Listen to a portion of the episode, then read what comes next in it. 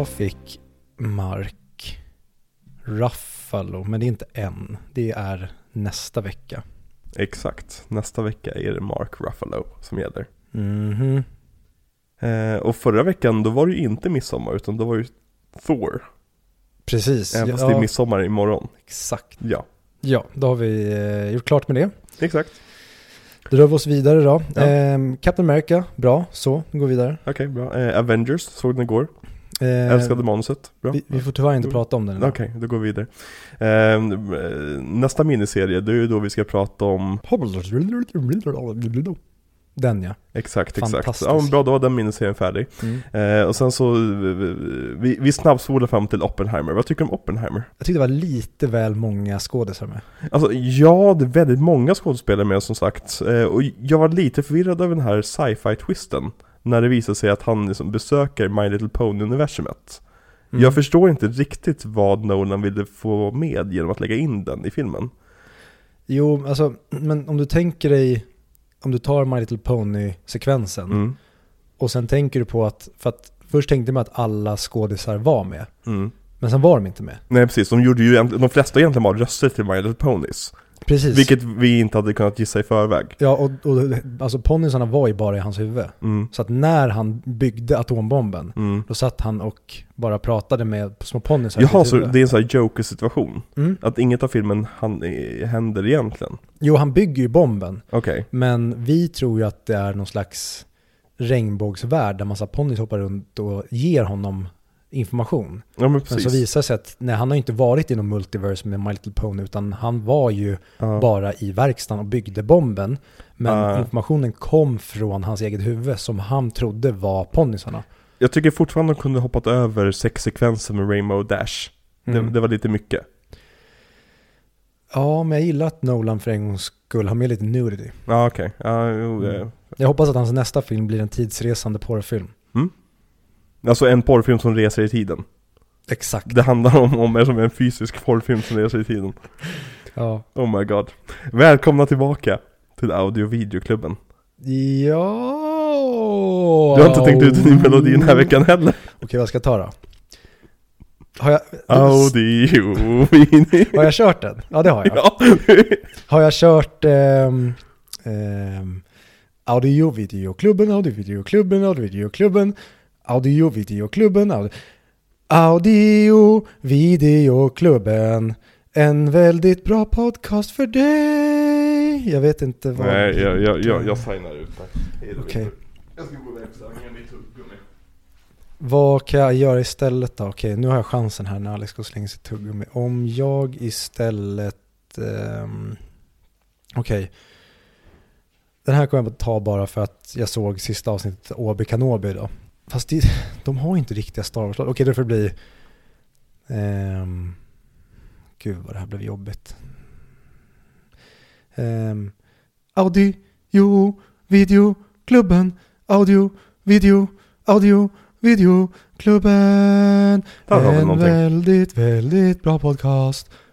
Så. Och på tal om Obi-Wan Kenobi så borde det finnas ett avsnitt ute på vår Patreon som kom för några veckor sedan där vi pratar just om Obi-Wan Kenobi.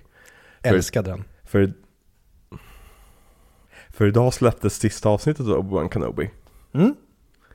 Tyvärr. Eller jag vet inte, ja tyvärr alltså. Ja, precis, nu är tyvärr. säsongen slut. Exakt. Eh, nej men så, så det finns ute för alla våra Patreons. För de som vill lyssna. Mm. Eh, och vid det laget kanske vi även har fått ut någonting mer. Men jag vågar inte lova någonting längre. För varje Don't vi, promise anything. nej, precis, för varje gång vi lovar någonting går våra planer i stöpet. Så. Mm. Jag kommer inte att bli eh, statsminister. Jag kommer inte att bli miljardär. Varför skulle jag vilja bli statsminister? För? Ja precis, fan Okej. vilket jobbigt jobb. Fro- Freudian wishes kom fram där. Mm. Ehm, Okej, hur skulle jag vara som statsminister? Nej, vidare. Jag blir inte miljardär. Okej. Så. Och jag lovar att jag inte... Nej, jag vet inte. Jag är, jag är för trött för att vilja någonting. Välkomna tillbaka till Audio Videoklubben. Idag ska vi prata om Captain America, The First Avenger. Ja, alltså han, ja, han var den första. Ja, men har du inte förstått det? Thor hette ju Thor, The Fourth Avenger, till exempel. Just det. Och Iron Man var, The Second Avenger, eller not the Avenger. Ja, precis. was The, the consultant, but not a full member of the Avengers. Yes. Mm, så var det. Eh, vilket är då femte filmen i Marvel Cinematic Universe. Mm. Med Chris Evans i huvudrollen och regisserad av Joe Johnston. Joe Johnson. Joe Johnston. Har du sett några av hans filmer? Jo men det måste du ha haft. Ja, men nu... Vi kommer gå igenom honom när Ja, vi kommer bra. till Tack honom. för att jag glömde. Nu var så här, ja, det har jag ju. Och så kollade jag upp förra veckan vad han hade gjort och så har jag glömt bort det. Ja, yes. Eh, men vad säger du, ska vi hoppa rakt in eller? Hoppa rakt in i eh, Det är inte festen. va- vi brukar alltid ha lite preamble, typ så här, halvtimme, 40 minuter, där vi pratar om random skit eller där vi Vad gjorde vi förra veckan? Vi pratade om Hercules i typ en timme nästan Så jag tänker vi kan, vi kan bara köra rakt på sak för en gångs skull Nej, därför vill jag veta, har du sett någonting bra sen sist? Jag har ju inte det Har du sett någonting sen sist? Sen sist, sen, sen i söndags Ja. Ja, jag har sett en sak sen sist och, jag, och jo, jag har faktiskt sett, sett något bra Mhm. Jag såg The Avengers Nej men, du får inte prata. Ja men du frågade mig! Nej, men vad fan? Ja men okej då Har du sett något bra sen sist? Vad har jag sett sen sist? Jag tänkte säga, ah, jag såg Midsommar, men det vet vi ju. Ja det var ju det vi pratade om sist vi såg. Vi ses för ofta Viktor. Ja, hmm, vad har jag sett mer då? Nej, ingenting. Så, vidare, vi kör. Ja. Men vi ska ju prata om Captain America. Mm. Och som vanligt när det kommer till Marvel så ska vi börja i den absoluta början. Genom att prata om hans publiceringshistoria. För Captain America, han är ju en av Marvels absolut första hjältar. Eh, minns du vilken som deras första hjälte var? Det var eh, Human Torch va? Mm, exakt. Snyggt. Fast inte Fantastic Four Human Torch utan den här Nej. androiden som var gjord av fosfor eller vad fan det var. Han som, eh, dum idé. vem var det som kunde anpassa sig till alla olika material? Det är Absorbing Man, Mm. en Hulkens skurk. Ja, okej. Eh, det är kul för Fantastic Four är faktiskt med i, nej, nej, Human Torch är faktiskt med i den här filmen. Ja, han spelar en, han är en infiltratör. Nej, utan när de är på mässan som Howard Stark har, alltså Mhm. eh, Stark Expo. Mm. Då ser man han stå i en monter som typ The Future of Humanity. Vilket är en liten kul referens. Alltså han finns som superhjälte här. Mm, Nej, de har inte gjort någonting med den karaktären. Nej men Alls. alltså han finns som superhjälte i universumet. I, I Captain Americas universum. Ja, alltså han är inte en tv-karaktär i det här universumet, utan det, det är en riktig Ja, Human precis, de, fast jag vet inte om han funkar eller inte, eller om det är bara en prototyp som står. Liksom, Mm. De har ju inte gjort någonting mer med karaktären på något sätt, så det är antagligen bara en kul referens för att han och Cap kom ju samtidigt ungefär. All right. Yes. Men han är ju då skapad eh, 1941, Captain America alltså, av Joe Simon och Jack Kirby. Och var först tänkt att heta The Super American. Thank you. Ja. Och på den tiden så fanns det inte jättemånga karaktärer som hette någonting med Captain. Så de bestämde sig för att det är nog en bättre titel, Captain America. Mhm. Vilket eh, jävla bra drag, för det är ett slagfärdigt namn alltså. Det är det verkligen. Men också ett namn som väldigt lätt kan göras larvigt. Vilket har varit lite grann av Captain Americas problem i väst, i, utanför USA. De liksom, sen han skapades. Att man alltid sett honom som, vadå, Captain America? Okej. Liksom. Mm. Eller hur har din relation med Captain America varit? Nej men jag har alltid tyckt att han, när jag växte upp, så tyckte jag alltid att han såg lite töntig ut. Mm. De Just- här vingarna på huvudet och grejer. Exakt, och att han bara hade en sköld och tyckte, jag tror jag har för mig att hans boots också såg lite töntiga Mm. ut. Väldigt såhär piratboots nästan liksom. Mm. Röda oftast. Att han verkligen såg väldigt kostymig ut. Mm. Att han nästan såg ut som att han hade köpt sin kostym på Buttricks. Mm.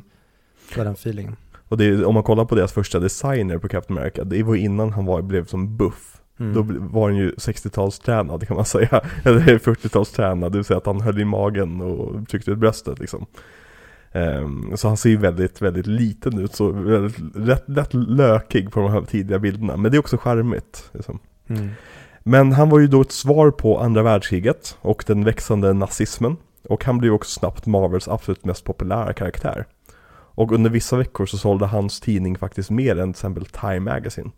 Oj, Vilket är bisarrt att tänka i dagsläget. verkligen. Det är Men, eh, miljontals nummer alltså i veckan. ja, det är verkligen en- ett häftigt psykologiskt fenomen. Eller det säger någonting om vad folk ville ha där och Mm. då. Verkligen. Och eh, som känt så slår han ju Hitler på käften på första omslaget. Och det blev ju väldigt kontroversiellt bland nazister.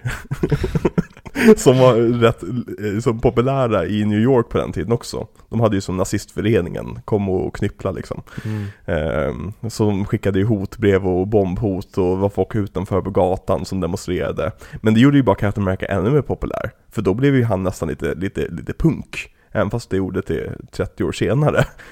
Mm. Fanns det inte en risk? Var det inga som var alarmistiska där att vi ska inte reta upp Hitler i onödan? Mm, jo, det var ju många från den synen också. Liksom att, hörni, vi är inte med i kriget, kan vi försöka hålla det på det, det planet liksom? Mm. Eh, ni kanske eh, drar upp en känsla hos dem att anfalla oss liksom. Men eh, jag tror de flesta bara insåg att, men det är en serietidning. Hitler vänder sin blick mot eh, USA efter att han har sett att en comic book finns där. Ja, men precis, exakt. Liksom, ja. Men det som är intressant med Cap, det är det att hans origin har ju knappt ändrats sedan starten. Mhm. Alltså samma origin som vi ser i den här filmen är, med vissa små detaljer såklart, är samma origin som var i första Captain America-tidningen. Det är kul. Han är skinny Steve Rogers som inte får joina armén un- under andra världskriget. Eh, men han eh, är med i ett experiment och blir Captain America. Eh, intressant dock att han hade sin identitet hemlig väldigt länge. Han var ju som med i armén som Steve Rogers, Lieutenant Steve Rogers. Och där kommer Captain America, vänta jag ska bara springa ut hörnet. En klassisk Superman-grej. Ja, och Bucky, som är också med i första numret. Mm. Han, varför han blev hans sidekick, han är, han är ju bara en pojke i Mm. tidningen. Han är ju Robin, liksom. Eh, anledningen varför han blev Bucky, det var för att han upptäckte hans hemliga identitet och utpressade eh, Steve. Att nej, du måste låta mig följa med på dina äventyr. Och Steve bara, okej, ja, ja, får väl hoppas att du dör. Vilket han också gjorde sen. Det hade kunnat vara en, en rolig, eh, kanske Saturday Night Live-grej att göra Mm. med Captain America. Exakt. Ha en, en, en kort sketch där de går ut i olika, eller vid olika mm, faror. Precis. Så hela tiden Chris Evans bara Oj, jag råkade visst knuffa ner honom här och så överlever han hela tiden. Ja. Men för att undvika kontroversen med den liknande karaktären The Shield så gjordes Captain Americas sköld rund i eh, tidning nummer två. För det första så har den en vanlig sköld liksom, fast med, Cap- med Amerikas flagga på. Mhm. Som vi får se en, liksom en referens till den skölden i den här filmen ju. Mm. Den han har med sig ut för första uppdraget. Eh, men den gjordes rund, skölden, vilket var ju som helt unikt. Och eh, de hade också en praktikant där som kom på i ja, eh, tidning nummer tre att men om den är rund, då kan ju den kastas som en diskus. Mm. Och helt plötsligt uppfanns hela Captain Americas liksom power level, så att säga. Och vad hette den praktikanten? I don't know. Stan Lee hette han. Jaha, jag satt och tänkte på en praktikant i hans, alltså i serietidningen. Jaha, nej, alltså praktikanten Stan Lee på, på Marvel kom på i nummer tre att han, han skulle skriva någon sidoberättelse, så bara, men fan, varför kastar han inte skölden för? Så han kom på Captain America. Exakt, det skulle Stan Lee säkert skriva under på. Rip in peace. ja, jag älskar den mannen, men den, han hade också en väldigt stor förmåga, förmåga att ta sig äran av andra personers arbete. Det verkar som det. Ja. Eh, Men när andra världskriget tog slut så tog ju även Captain Americas popularitet slut. Och 1949 lades tidningen ner. Men Marvel försökte återuppliva honom redan eh, 1953. Under namnet Captain America Commie Smasher. Den ja. Ja. Men den tidning- tidningen blev inget, ingen större hit. Så den lades ner efter ett år. Och här, har, här kommer jag med väldigt många isskämt. Jag vill bara förvarna alla för, för som cringe. Eh, men 1964 så togs Captain America ur frysboxen igen. För i Avengers nummer 4 så tinades han upp. Och det förklarades att Captain America hade varit nedfryst, det var ingen pann, det är bokstavligt. Men, ja. eh, att han hade varit nedfryst sedan 1945, efter ett uppdrag 1945? Nej, jag skjuter bara på is. Okej, Det är svårt att göra någonting med kyla. Ja men 1945 har väl ingenting med kyl att göra? Men innan sa du. Ja okej. Du by- började meningen med någonting med upptinad eller Ja, ja, det är fryst. jätte... 1945 så hade han tydligen varit på ett uppdrag där Baron Zemo behövde stoppas. Baron Zemo, vilken film är han med i? I don't know. Civil War. Jaha. Ja, och det är lite kul för Baron Zemo, han, han är ju som en rätt liten karaktär i, i eh, filmerna. Men i serietidningarna är han typ nummer två efter Red Skull på Captain America skurkar. Vem, vem spelar honom? Eh, Daniel Bryl. Jaha, okej. Mm. All Fast i serietidningen har han ju en, som en mask på sig och han är oj, en bokstavlig baron som har ett slott så har en krona på sig och grejer. Han är jätterolig. Riktigt såhär nazistskurk. Hade varit kul att se Daniel Bryl göra den. De gav honom ju masken i eh, Falcon and the Winter Soldier. Mm. Så jag tror att de kommer gå lite åt det hållet. Och de avslöjade att han är baron i den också. Så jag tror att de försöker reclaima det lite grann. Mm. Så det kommer bli kul antagligen i framtiden. Men Barasimo hade tydligen behövt stoppas och Bucky dör under det uppdraget. Det är Cap som knuffar honom. Exakt. Poff! Eh, och Cap eh, räddar världen då genom att offra sig själv. Genom att krasch, krascha ner i isen med den här raketen som det är då. då. Eh, och de hittade, Marvel alltså, hittade en ny vinkel på karaktären. Det är det att han är the man out of time. För att han är ju från 40-talet. Och redan på 60-talet hade ju världen förändrats så pass mycket att de kunde ta med en person som var 20 år tillbaka i tiden och säga Kolla hur konstigt allting är. Det som är som kvinnor som går i byxor. Vi kommer komma till den grejen nästa vecka. Det kommer vi. Eller jag kommer komma till den grejen nästa vecka. För att, eh, nej, jag ska inte säga någonting om nästa vecka. Nästa vecka tar vi om två veckor. Mm. Eh, men det som hände med Captain America efter det här, eh, det är det att han blev ledare över The Avengers. Och han är väl egentligen eh, den me- mest återkommande ledaren. Och han använder Avengers framöver lite grann som rehabiliteringsprojekt för skurkar. Till exempel Scarlet Witch och Quicksilver. Och även Hawkeye började som skurk till exempel. Som han gör här också. I The Avengers. Som vi Mm. kommer att prata om nästa vecka. Ja, eller i Thor också. Är han ju en skurk, eller han är inte på vår hjältes sida. Ja, jo okej. Ja. Han är ju Så det- det, är det, Shield-agent. är enda jag vet. Ja, men Shield är precis. skurkarna. Precis. Eh, och eh, Captain Americas egen tidning plockades upp igen efter det här och den har publicerats liksom tills vidare efter det. En av Marvels största, liksom, mest populära serier. Och liksom grundbulten kan man säga i Marvel-universumet. Hmm. Men, alltså vi hade haft en Captain America som sprang runt på 50-talet. När Cap egentligen var nedfryst. Så hittade du på en, en story om att den Captain America, det var en sinnessjuk man som hade opererat sig för att se ut som Steve, bytt namn till Steve och var så paranoid att han trodde att det fanns kommunister överallt. Och även till slut så blev han nynazist och blev typ så här KKK-ledare och grejer. Ehm, Den filmen hade jag velat se. det, det, Todd väldigt- Phillips kan göra den. Ja precis, det hade varit väldigt, väldigt spännande att se den när deranged Captain America som springer runt och som tror att han är hjälte Mm. men som bara som dödar folk till höger och vänster. Det hade kunnat bli, åh, Peacemaker är typ nästan där, Mm. ska jag säga. Ja, skitsamma. Eh, men eh, Caps tidning blev med tiden den tidningen hos Marvel som försökte handskas med USAs identitet. För USA hade ju växt väldigt mycket under väldigt kort tid. Så till exempel under Watergate så ville inte Steve längre vara Captain America. Utan han gav upp titeln och döpte om sig själv till Nomad. Mannen utan ett land. Ja, exakt.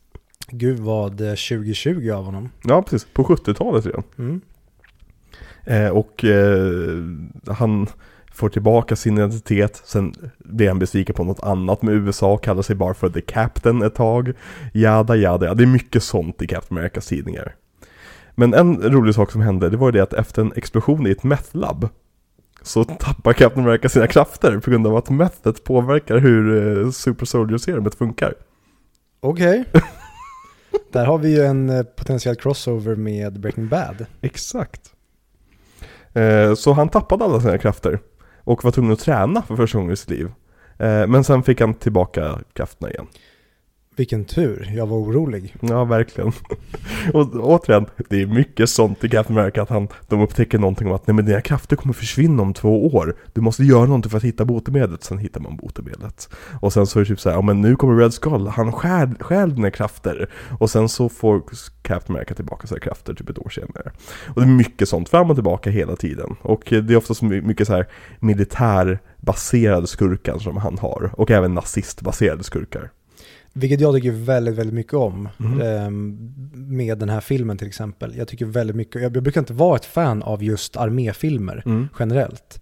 Men när du placerar en superhjälte i den kontexten Mm. så tycker jag att det är väldigt, väldigt underhållande. Och kul då med en hjälte som håller sig i den kontexten. Ja men precis, och det är alltså, han blev ju som eh, spion adjacent liksom och verkligen fick utreda USAs lite mer mörka historia när det kommer till liksom, invadering av andra länder.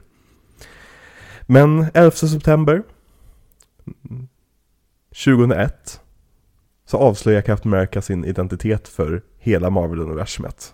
Och Han säger det är jag som är Steve Rogers. Jaha, jag trodde det skulle vara att det var han som var jihadist. Jaha. I am Osama bin Laden. Det var jag som fällde tonen. Men vilket är så konstigt för, för mig så är Steve Rogers och Captain America att, att han har en hemlig identitet. Mm. Det, det, det är fel för karaktären. Verkligen. Han ska vara här som legenden, Mm. kändisen. Jo men att han ska vara filterlös. Mm. Han är bara, det enda han har det är en rättvisans kompass. Mm. Han bryr sig inte om charader och sådana saker. Men vi får tänka på att på den här tiden så visste ju inte allmänheten i Marvel-universumet att till exempel Tony Stark var Iron Man. Mhm. De trodde att Iron Man var hans bodyguard. Ja okej. Vilket de körde med väldigt länge.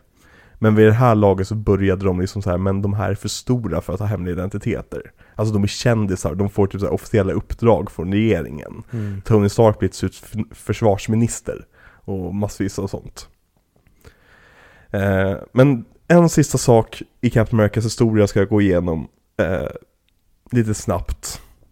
För att efter det så börjar det spåra ut totalt. Och det är det att Civil War händer. Där hela superhjälte-communityt delas upp i två stycken läger. Vi har Iron Mans läger som tycker att alla superhjältar ska registreras och de måste avslöja sin- identitet för regeringen. Och så har vi Caps läger som säger att alla superhjältar får vara fria hur de vill.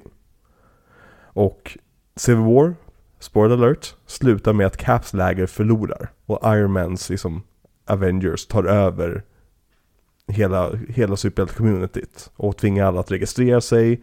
Alla nya hjältar måste gå hjälteskola först innan de får gå ut och vara hjältar på riktigt. Vilket så här, det känns rätt rimligt om man har personer som springer runt och kan spränga en stad med en blick liksom. Att de kanske måste få lite träning också. Mm. Men det som är stort här det är det att Captain America blir gripen. Och på vägen upp till eh, rättssalen så blir han skjuten och dör. Mhm. Och eh, det är lite synd att, spoiler alert, men Marvel tar ju inte riktigt den vägen med Caps karaktär. Hur många filmer mer är han med i efter Civil War-filmen? Rätt många ändå. Ja okej. Det, det är liksom hela Endgame, Infinity War, allt det där. ja. Ja det hade varit coolt om de kunde klämma in den grejen någonstans. Precis. Framförallt som en katalysator eller en opinionsändring. Nej men verkligen. Verkligen. Och typ att, att det är språngbrädan framåt till någonting annat kanske. Mm. Jag är lite besviken första gången jag såg Civil War på att de inte avslutade på det sättet. För det är, det är ett jävla what the fuck moment i Marvel-universumet. För att det är också en kompis som skjuter honom. Så man måste fundera på varför det här händer också. Och så vidare. Mm. Och de gör en stor grej av det i universumet. Och att det är som alla hjältar får typ en egen spin-off. Som heter typ The Death of Captain America, Wolverine. Liksom. Mm. Där Wolverine får handskas med döden. Eller Spiderman får handskas med det. Där Iron Man som eh, har jättemycket skuld över varför han dog. Och så vidare.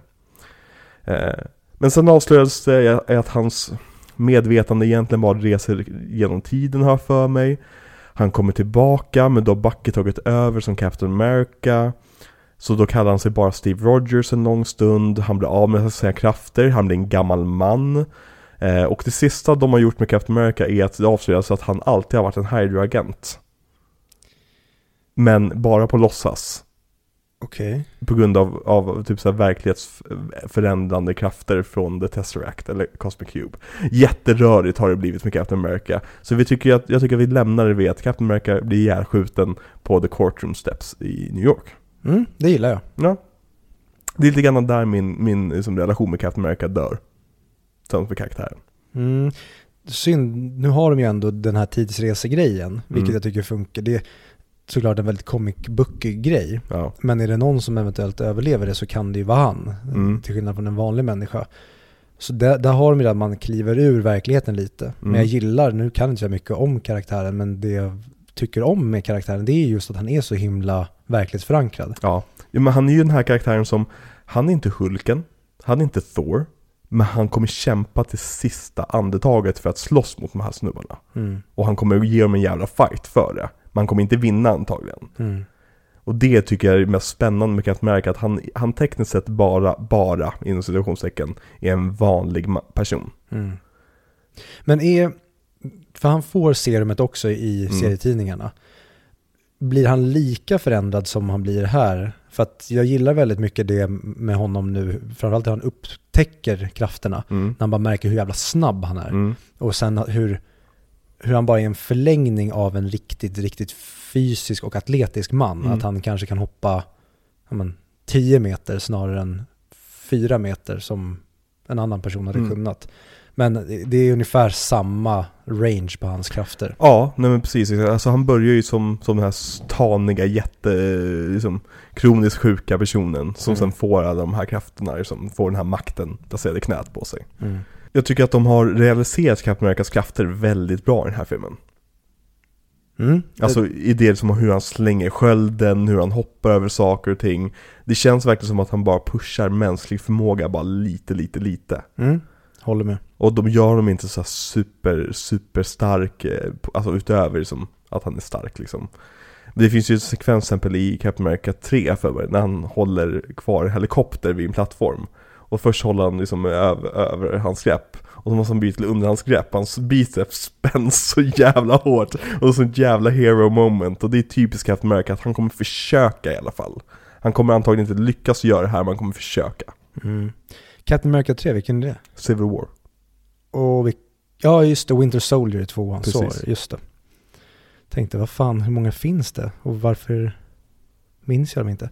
Men nu minns jag dem. Mm. Tack. Med det sagt så kan vi gå in lite grann på produktionen av filmen. Mm. För den här filmen kommer ju inte från ingenstans. Nej, det verkade ju vara så att den där Hulk-filmen gjorde ju så att nu kör vi på det här universumet. Exakt, verkligen. Det var Hulken-filmen som gjorde det. Mm. Nej men Captain America har ju blivit film tidigare i så tv-filmer, jättelökiga från början på 90-talet. Där Red Skull till exempel är italienare för de vågade inte göra honom till nazist. Eh, och han, det är mycket så han åker runt på sin hoj. Och han har en genomskinlig sköld för en anledning. Eh, Jaha. Ja, vi borde se den. Han har en jättestor motorcykelhjälm på sig, så sin hjälm liksom. Ja, det är underbara filmer. Men eh, Marvel har ju försökt få till en ordentlig Captain America-film väldigt länge. För att det är deras liksom, brand hero kan man säga det som. Mm. Det är ju som symbolen för Marvel. Eh, och de har ju försökt ända sedan 1997. Men eftersom rättigheterna just då var i tvist med Joe Simon, alltså skaparen, och hans liksom, estate till slut när han dog. Eh, de bråkade med Marvel. Så under väldigt lång tid så blev det ingen film av det här. För att de kunde inte säkra rättigheterna. Tills Chris Evans knuffade ner honom. Precis, han gjorde en Bucky. Ja. Eh, när det väl var dags att göra en film av det, när liksom allting hade rätts ut med rättigheterna, så gick Marvel till eh, Warner Brothers och sa Tja, vill ni producera den här filmen? Vilket idag känns helt jävla brockt, för Warner Brothers, de har ju DC. Mm. Men så, man tänkte ju inte så på den tiden. Nej. Utan det var ju som så här, ja men Marvel gick till alla studios som ville göra en Marvel-film. Eh, men eh, de tackade tydligen nej. Eh, och till slut efter mycket om och men så hade Marvel Studios redan hunnit grundats. Och då var det rätt självklart att, ja men, i det här paketet vi ska släppa är som, som The Avengers. Då är det klart som fan att Captain America ska vara en av de filmerna. Mhm. A.V. Rad, en av våra favoritgubbar. Ja, han! Han är Ja, tillbaka efter mycket om men. Kul! Mm. Han gick ju då ut- och lovade att filmen kommer utspela sig helt och hållet i modern tid. Och att eh, det skulle vara en fish out of water film. Där han går runt och liksom, eh, liksom men vad är det här? Är det här en dator som du har där? Nej, nej men det här ser ut som en, en, en, eh, ett fönster. Vad märkligt det här är. Eh, och eh, John Favreau togs in för att göra filmen till en renodlad komedi. Du ser vettskrämd ut Viktor. Vänta, vänta, vilket år är det här? 2005? 6? Jaha, okej, så det är pre-super, eller super, pre-Iron Man, okej. Precis, för att eh, John Favreau tyckte nämligen att det låter idiotiskt att göra den här till en komedi. Kan inte jag få göra, göra Iron Man istället? Och de bara, fine, gå till Iron Man-projektet då. Bra jobbat. Bra jobbat John Favreau. Du Mhm. räddade två filmer med ett bra beslut. Mhm. Eh, och sen så, eh, vår gamla kompis Louis Leterrier, Den gamla godingen. som regisserade Hulken. Under produktionen av Hulken-filmen så fick ju han se massa concept art från Captain America-filmen. Bara, jag går till Marvel och jag erbjuder mina tjänster. Vill ni att jag ska regissera även den filmen? Och tydligen så bad Marvel honom ödmjukast att eh, dra åt helvete. Tack Marvel. ja, här har vi lite bra drag igen från Marvels sida, Mm. känns det som.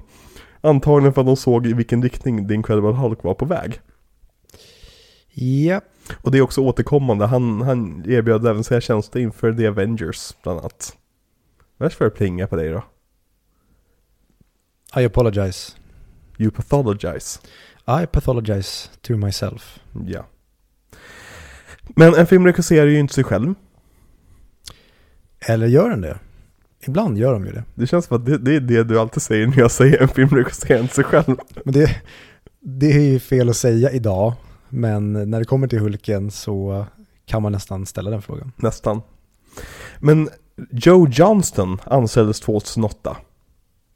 Mest för sin vana med specialeffekter. Då han hade jobbat som effektmakare på till exempel små skitfilmer som eh, Star Wars. In- Vänta. Regisserar han Jurassic Park 3? Det var den som jag satt och sög på. Ja. Du satt och sög på Joe Johnston. Nej, men han var ju då effektmakare på Star Wars, på Indiana Jones, på Howard the Duck, också producerad av Lu- George Lucas, Willow och även Iron Giant. Hmm. Och han är också den som designade Boba Fett. Oh la la. Alltså snacka och ha den, den crediten. Du har designat den häftigaste karaktären genom tiderna. En karaktär som bara funkar via designen. För det, han, alltså Boba Fett, vi får, alltså, nu har ju Boba Fett blivit en karaktär som har dialog och som gör saker, tyvärr. Ja, okej. För mig, jag tänkte säga inte för mig, men eh, ja. Men ända fram till, ja, 2002, så var enda grejen med Boba Fett, det var att han var ascool och Mm. han var allas favorit. Och ingen visste riktigt varför han var en, någon, någons favorit, utan han bara var cool.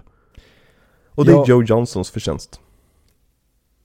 Ja, Det är ju uppe där bland, okej det är klart man hellre skulle vilja typ komma på penicillinet eller dynamiten eller något sånt där, men när det kommer till just karaktärsinventions Mm. eller framförallt när det kommer till Boba Fett, då är det ju designen man vill ha på sitt CV. Exakt. Men det som också gjorde Boba Fett så intressant, det är ju som jag tycker med många filmer eller tv-serier, det är när vi inte får uppföljarna. Alltså att när du, du får en första film Mm. och den kanske lämnas med en cliffhanger eller det är massa information som du undrar som man Mm. själv får spinna vidare på. När vi inte får veta vem karaktären är. Mm. Och det tyckte jag var så intressant med Boba Fett när man växte upp. Det var ju det att man fick bygga hans egna narrativ. Exakt, Och du han, fick tänka dig liksom en, en egen story, eller där han träffade en annan Bounty Hunter och de hade någon shootout liksom, eller Mm. att han sköt ner oskyldiga personer på den här planeten, eller vad fan som helst liksom. Du fick skapa din karaktär. mm, han träffade Sona no do woki do do solo. Jag tycker inte, alltså, du måste sluta göra rasistiska stereotyper i den här podcasten Viktor. Men jag kan inte kinesiska. Men En annan karaktär som Joe Johnston har designat från scratch, det är då den här Iron Giant. Som han även regisserar eller? Nej, det är Brad Bird. Brad Bird. Mm. Som har regisserat Pixar-filmer. Ja, The Incredibles 1 och 2. Och även. Mission Impossible 3. Mm. Brad Bird är int- intressant regissör. Eh, gjort väldigt mycket animerat. Men Joe Johnston har ju också regisserat breda familjefilmer. Som till exempel Honey I Shrunk the Kids. Underbar, som jag tror är helt otittbar idag. På grund av effekterna Mm. antagligen. Det var hans första regi- regidebut. Nice. Han gjorde också Jumanji. Också nice. Mycket bra effekter där och mycket dåliga effekter. Men framförallt mycket, mycket hjärta. Ja, precis. Han gjorde Jurassic Park 3. Som, Mm. jag skulle säga att den har större problem på manusstadiet än på registadiet. För när man kollar på regin i filmen, till exempel när, när saker och ting slåss och grejer, det, då är då, det är ju det är bra skit egentligen. Men Mm. manuset är bedrövligt i den filmen. Mm. Och han var ju lite grann ansedd vara Spielbergs efterföljare. Att, att liksom Spielberg gav honom Jurassic 3-uppdraget, bokstavligen. Taskigt. Ja, men verkligen. Men om man då ska ta honom i försvar Mm. så, som du säger, estetiskt och hur den ser ut Mm. så är det absolut inget fel på den. Nej. Alltså, dinosaurierna är ju fortfarande i den Spielbergska världen. Exakt, och om man jämför med all skit som har kommit sedan dess så blir ju Jurassic Park 3 liksom bra jämförelse. Ja, och jag vet att jag kan låta väldigt hård ofta mot modern film. Mm. Men tyvärr så jag återbesöker inte Jurassic World-filmerna. För dels för att jag tycker att de är för de är för fil- filmiska, det känns som Mm. en meta, det känns som metafilmer och det är, nu spinner de ju vidare på John, Dr. John Hammond heter han ju, hans eh, värld och vad han skapade. Men det känns för mycket som att de nästan vet om att det, Jurassic Park-filmerna finns i Jurassic World-världen. Och sen tycker jag att manuset och hela premissen är så jävla ointressant Mm. i både ettan och tvåan. Och jag var faktiskt på väg förra veckan att gå och ta mina biopoäng Mm. en, när det var en regnig dag och se Jurassic World Dominion. Men det fanns inte en un, ett uns av lust till det i mig. Jag tänkte bara, vad kan jag göra med de här två timmarna istället? Mm. Och då blev det att jag stannade hemma och eh, kollade på, vad fan såg jag? Jo, just det. Jag såg, eh, började kolla på Obi-Wan Kenobi. Mm. Så tji fick jag. Den kommer vi prata om sen. Den kommer vi prata om för tre veckor sedan. Två Typ. veckor sedan. Två veckor sedan. Ehm, jag var taggad på att se Jurassic World Domingo. Ehm, ända fram tills jag såg pitch meeting om den. Aj, aj, aj. Ja. Eh, vill du veta, ska vi, ska, ska vi spoila lite grann? då? Bryr du dig om filmen? Nej, men jag tycker inte vi ska göra, det finns säkert kanske lyssnare som Okej, tycker ska, vi ska jag bara berätta för dig lite kort så ska jag klippa bort det. Jag vill bara berätta en snabb sak. Kör. Jag Gud. vet, nej, alltså, jag, jag trodde att jag hade fått en stroke när jag, när jag läste det här. Nu vill jag se den här. Ja, ja. För tidigare, då var det bara en, en ointressant film. Nu verkar det vara en sinnessjuk film. Tydligen ska, ska den vara görtråkig. Jag har verkligen sett alla de som jag trodde skulle försvara den här. Mm. Har till och med pissat på den. Ja, det här, kan, det här kan bli sista stöten i Colin Trevorrows väldigt, väldigt skakiga karriär. Ja jävlar. Vad hände med hans Star Wars-film? Han fick sparken innan han påbörjade den. Ja men varför? Varför? För att, eh, för att det blev jättemycket skriverier efter Book of Henry. Om hur dålig den var. Ja okej. Och eh, han var ute och vevade på Twitter. Han sa ingenting liksom konstigt eller olagligt liksom. Men det blev liksom för mycket negativ press. She fick Star Wars. Ja det kan man lugnt säga. Ja. Och eh, sen hoppar vi framåt några år i tiden och så anställer de Deborah Chow för att göra en tv-serie om en av de mest älskade karaktärerna. Vi ska inte prata om det idag. Eh, tillbaka till Cap. ja, tillbaka till Captain. Jag tycker inte du klipper bort det där. Utan jag, i så fall tycker jag du spelar in ett eh, spoiler ahead. Mm, ja, visst, jag kan lägga in lite klipp hos Alex. Mm. Bara för att provocera den jäveln igen. Mm. Du, jag hörde vad du sa till mig förra veckan. Det är, jag säger exakt vad fan jag vill till dig. Förstår du det? Du är min klippslav. Eh, jag tar avstånd från alla de här uttalandena till dig, Klipprums Alex. Mm, vad bra. Det gör inte jag. Eh, jo, men framförallt, vi glömde nämna den absolut viktigaste filmen som gav Joe Johnson det här jobbet egentligen. Och det är då The Rocketeer. Som vi i Sverige inte har någon koll alls på. Men det är alltså en film som utspelar sig under andra världskriget. Om en kille som får superkrafter. Men Jennifer Connelly va? ja, men jag för mig det. Mm. Eh, han har typ en, en Iron Man-dräkt på sig. Mm. Och flyger runt. Den ska tydligen vara hur härlig som helst. Jag bara, Jävligt cool design och den påminner väldigt mycket om Iron Giant-designen. Mm, ja men precis, och det är väldigt liksom art deco i Mm. designen. Eh, och det är en film som är jättepopulär bland amerikaner. För de såg den när de var barn liksom. Och det var Mm. kul, kul med Rocketeer. Och för oss är det typ såhär, va? Finns den här filmen ens? Jag trodde det Mm. var en poser typ. Eh, så det är mest därför han fick rollen som regissör i den här filmen. För att han hade gjort den här filmen en gång tidigare praktiskt taget. Ja, sure. Mm. Men en film skriver ju inte sig själv. Eller gör den det? Eller gör den det? Det ska jag börja säga på allt. Det, För allt jag påstår det, det, det, sen, när, och jag kommer skapa mig en karriär på var de bara, ja den här Viktor han är så jävla intellektuell och smart. Men det enda jag gjort i hela min karriär det är att ställa frågan, det är att bara ställa motfrågor. Ja men du är Sokrates. Ja. Ja. För, gick inte jag igenom det i podden någon gång? Eller var det när vi var i Oslo så jag berättade om Sokrates? Jag tror det var när vi var i Oslo. Gud jag är så kul på fester, jag berättar för folk om Sokrates. Men Sokrates är väldigt intressant. Alltså bara det att han, liksom, hans grej var att han gick runt och provocerade folk till vansinne med sina frågor. Och sen så har han blivit ansedd vara en av världens största filosofer. Så här, ja, spännande snubbe.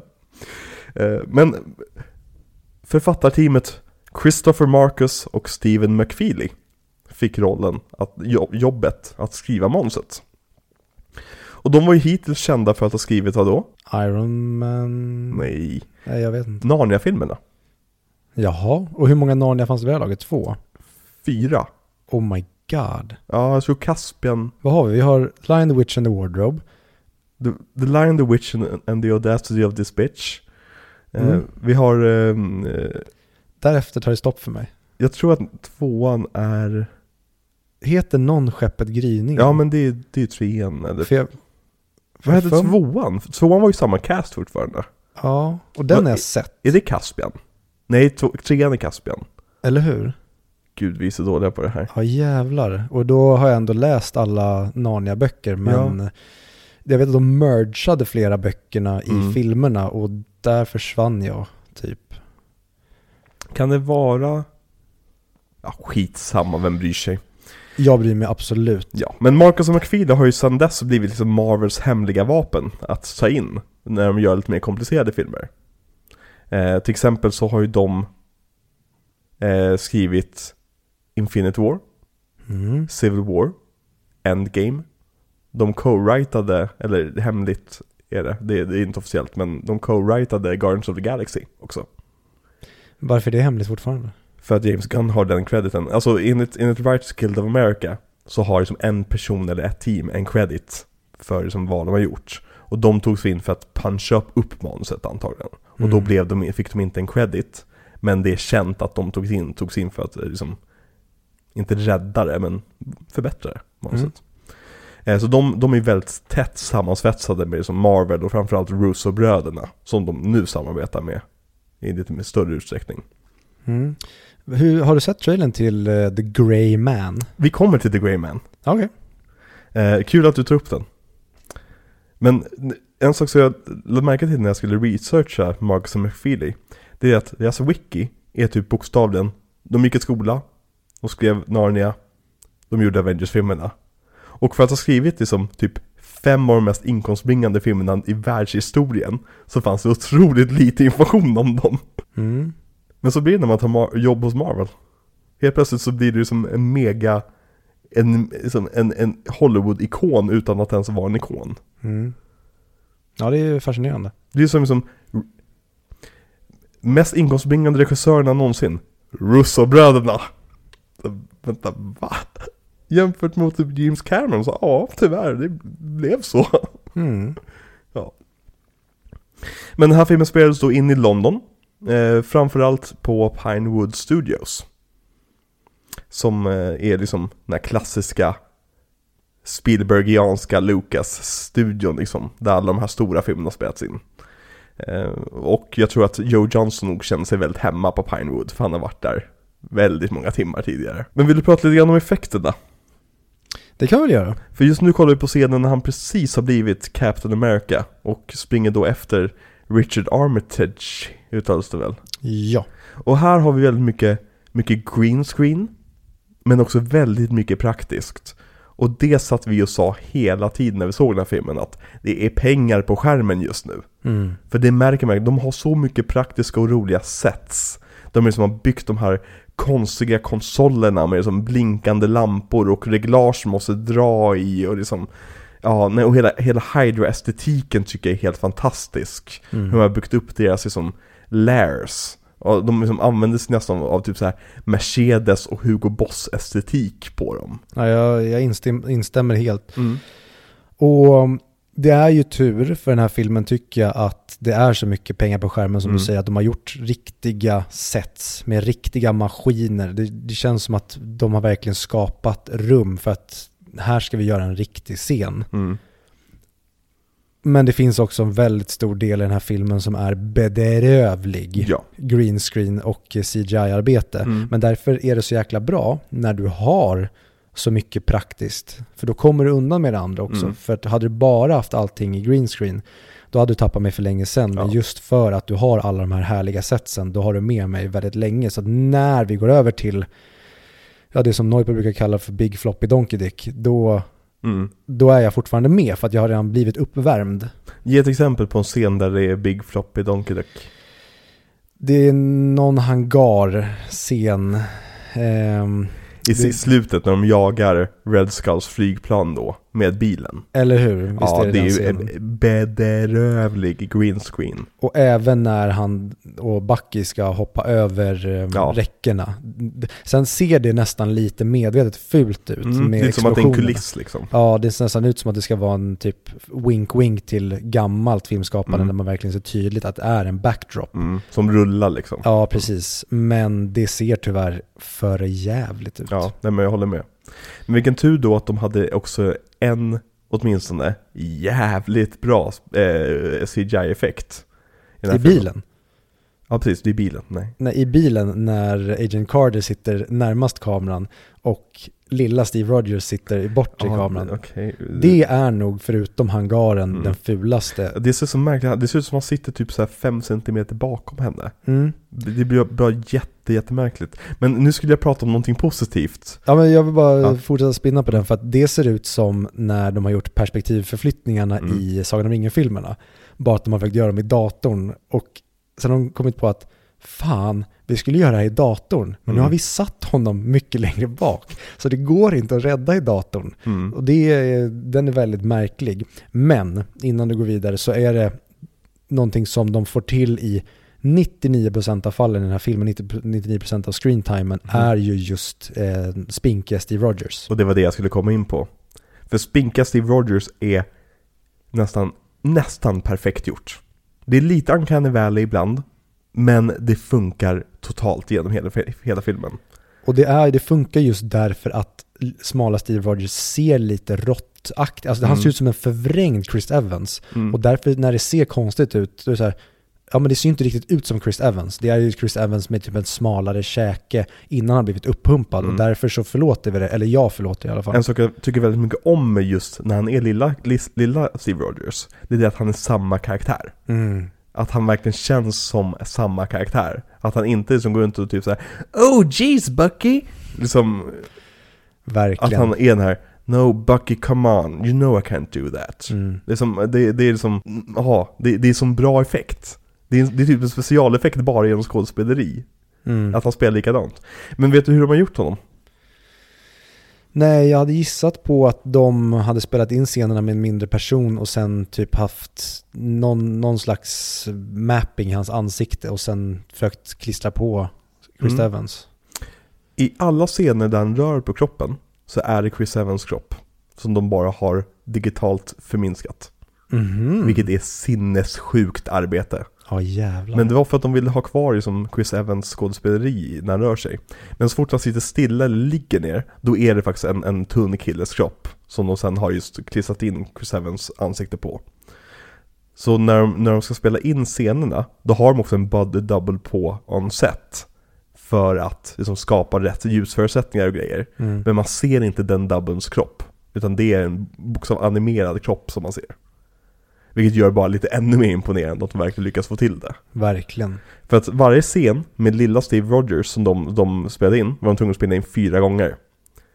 Och eh, de var tvungna att sätta typ så här prickar på Chris Evans haka. För att det är där hans ögon egentligen skulle, skulle vara. Så alla var tvungna att kolla på hans haka hela tiden. Eh, och så de kör, de kör fyra tagningar. De kör en med Chris Evans, och vi, vi säger att det är en scen med Stanley Tucci och Chris Evans. Då tar de en scen där båda två är med, de bara spelar rakt igenom scenen. Nästa tagning, det är bara Stanley Tucci och en tom bakgrund. Och sen har de Chris Evans fra- framför en green screen. Och sen har de en sista tagning med den lilla killen och Stanley Tucci. Så varje scen med spinkiga Steve Rogers har man tvungen att spela in fyra gånger. Love it. Mm. Det är riktig jävla filmmagi, för de lyckas ju också. Mm. Det är ju det, de lyckas verkligen sälja effekten. Och inte, för att inte tala om CGI de använder på Chris Evans när han kommer ut ur båset och är som stor och biffig. Det är, som, det är omöjligt att han kan se så bra ut. För Mm. visst är det en CGI-effekt? Ja. Ja okej, vad bra. Det är bra för mitt självförtroende att, att ingen kan se ut på det sättet. Nej nej, det är samma, de har använt samma effekter på Hulken sen, bara att de har Och eh, Thor. dragit upp färgen till grön. För att inte tala om Chris Pratt. Det finns ingen, inget sätt att han lyckas bli så pass eh, muskulös. Nej. Inte jag- ett skämt i community. Att Är Jeff är, är sur på Chris Pratt och du försöker lista ut hemligheten bakom hur han blev smal. ja, Ja, community. love it. Ja. Ska vi prata om community igen?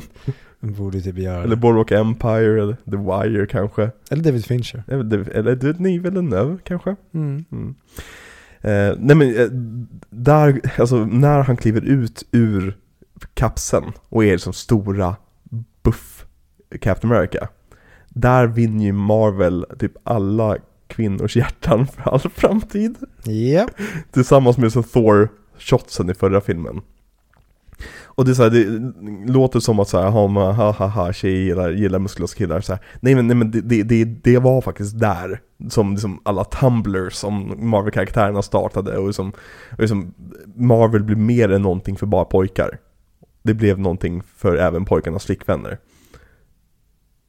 Och det är, det är så ett billigt grepp, men det Ja. är så jävla effektfullt. Ja. Och det finns en, det är mer en bad boy i Chris Hemsworth och i Thor. Där är någon med lite mer glimten i ögat. Mm. Men i Steve Rogers, där har du svärmorsdrömmen. Mm. Alltså han är ju den perfekta människan. Han är Ja. den man, så här, föd mina barn, följ med mig på alla middagar. Vad, vilket sammanhang än är i så vill man ha med sig Steve Rogers. Nej, men, och, och nu går vi händelserna lite grann i förväg också, men bara det att han kallar Black Widow för ma'am när han träffar henne i Avengers Mm. är en sån jävla snygg detalj. Ja, han är grym och jag, jag kan förstå folk som tycker att han är lite tråkig. Men det Men- ska han vara. Ja, och det tycker jag är det fina med honom. Mm. För att vi har alla de här hotheadsen och de quirky och roliga karaktärerna runt Exakt. omkring. Där är det grymt att vi har den här, ja men han har bara den moraliska kompassen Mm. och han skiter i massa shenanigans. Mm. Definitivt. Förutom i den här filmen när han ska stå på scen och dansa och sjunga. Och det är så kul att se Chris Evans göra det här Mhm. och Steve Rogers göra det här. Verkligen.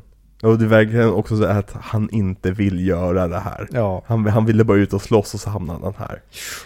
Men vi kan prata om Chris Evans efter den här bumpen. Ska vi prata lite grann om Chris Evans då? let's talk about Chris. Chris. Let's talk about Chris baby. Eh, vad har du för relation till Chris Evans? Inte mycket alls. Det är, jag visste inte vem han var innan han var med i Captain America. Inte Ja. ens Fantastic Four? Alltså jag hade ju sett Fantastic Four, men jag visste inte att det var han. Och jag hade inte lagt märke till att det var han, utan Mm. den enda de, alltså antingen pratade man om Jessica Alba Mm. och hur snygg hon var. Mm. Eller så pratade man om, eh, vad heter han, Michael Chiklis. Mhm. Och eh, hur eh, cool hans karaktär kanske var. Mhm. Men han som spelar Mr. Fantastic, Ian Grufford. ja vad har han varit med i? Titanic. Is anybody out there? Can anybody hear me? Ja, just det. Mm. Han har ingen koll på och ehm, ja, Human Torch hade jag heller ingen koll på. Ja, det var filmer som jag typ såg någon gång och sen glömde Mm. bort för att det var bajs. Ja, det är dåliga filmer. Ja, och sen så dök han upp i Captain America Mm. och ehm, ja, jag brydde mig inte vid den tidpunkten för att jag hängde inte med Nej. i Marvel-grejen. Jag såg inte ens den här tror jag när den kom eller så Mm. såg jag den typ snabbt inför Avengers. Mm. Men sen dess så har ju han gjort sig påmind i flera roller och eh, framförallt så tycker jag att han är helt underbar i Knives Out. Mm. Nej men verkligen. Och han, han, han känns bara som en genuint snäll person. På så många plan. Är han med i Scott Pilgrim? Han spelar Josh Lucas, den här Just skateboardade exet. Ja, för där gör han ju en underbart skönt quirky roll. Verkligen. När, super douchebagen liksom. Mm. Mm. Väldigt bra. Mm. Ja, du då? Eh, Jag har ju sen Fantastic Four eh, jag, jag var ju ett fan av de filmerna, även fast de inte var så jättebra så var det fortfarande så här som att man reagerade på, eller jag reagerade i alla fall på Chris Evans. Det är så här, wow, han var ju så jävla bra. Mm. Vilket gjorde det också lite svårt för mig att acceptera honom som Captain America när han annonserades. Mhm. Eh, för han slog ju igenom med Not Another Teen Movie. När han spelade huvudrollen. Gud vad jag inte minns den. Den är genuint bra. Eh, den gör verkligen den här parodin på det här 2000-tals, 90-tals komediaktiga Mm. väldigt, väldigt bra. Och han spelar den här douchebagen som ska få the ugly girl att bli vacker genom att ta av sig glasögonen och släppa ut sitt hår. Bland annat. Eh, nej men den, den borde vi se någon kväll i, under rätt förutsättningar. Eh, det, det är en riktigt rolig film. Mm, och jag tror att jag blandade ihop den med Eurotrip, eller alltså den typen av filmer Mm.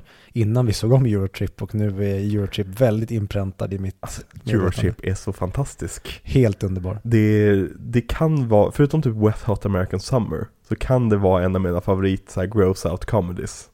Mm. Ja, den är verkligen, jag blev förvånad över kvaliteten och ehm, attityden Mm. som den filmen har. Att den gör allt det den gör rakt in i kaklet. Bara ta typ Cooper, hans bästa kompis. Mm. Hur avslappnad och skön han är genom hela filmen. Han skulle så lätt kunna bli en irriterande karaktär. Ja, verkligen. Men han är bara så här, världens skönaste snubbe som visserligen råkar vara något av en douchebag liksom, men man, man tycker bara om honom. Ja, och, och, och skämtet This isn't where I parked my car. Ja. Det var ju någonting som följde med efter den filmen. Mm. Men sen blev ju det nästan som ett så här, mitt minne i alla fall av den var att det var ett grabbigt, ganska oskönt skämt. Mm. Men när jag såg om filmen så, det har ju sån jävla skön glimt i ögat. Verkligen. skämtet. Men han är så charmig den skådisen. Verkligen, vad hände med honom? Inte mycket alls. Han var ju med i 21.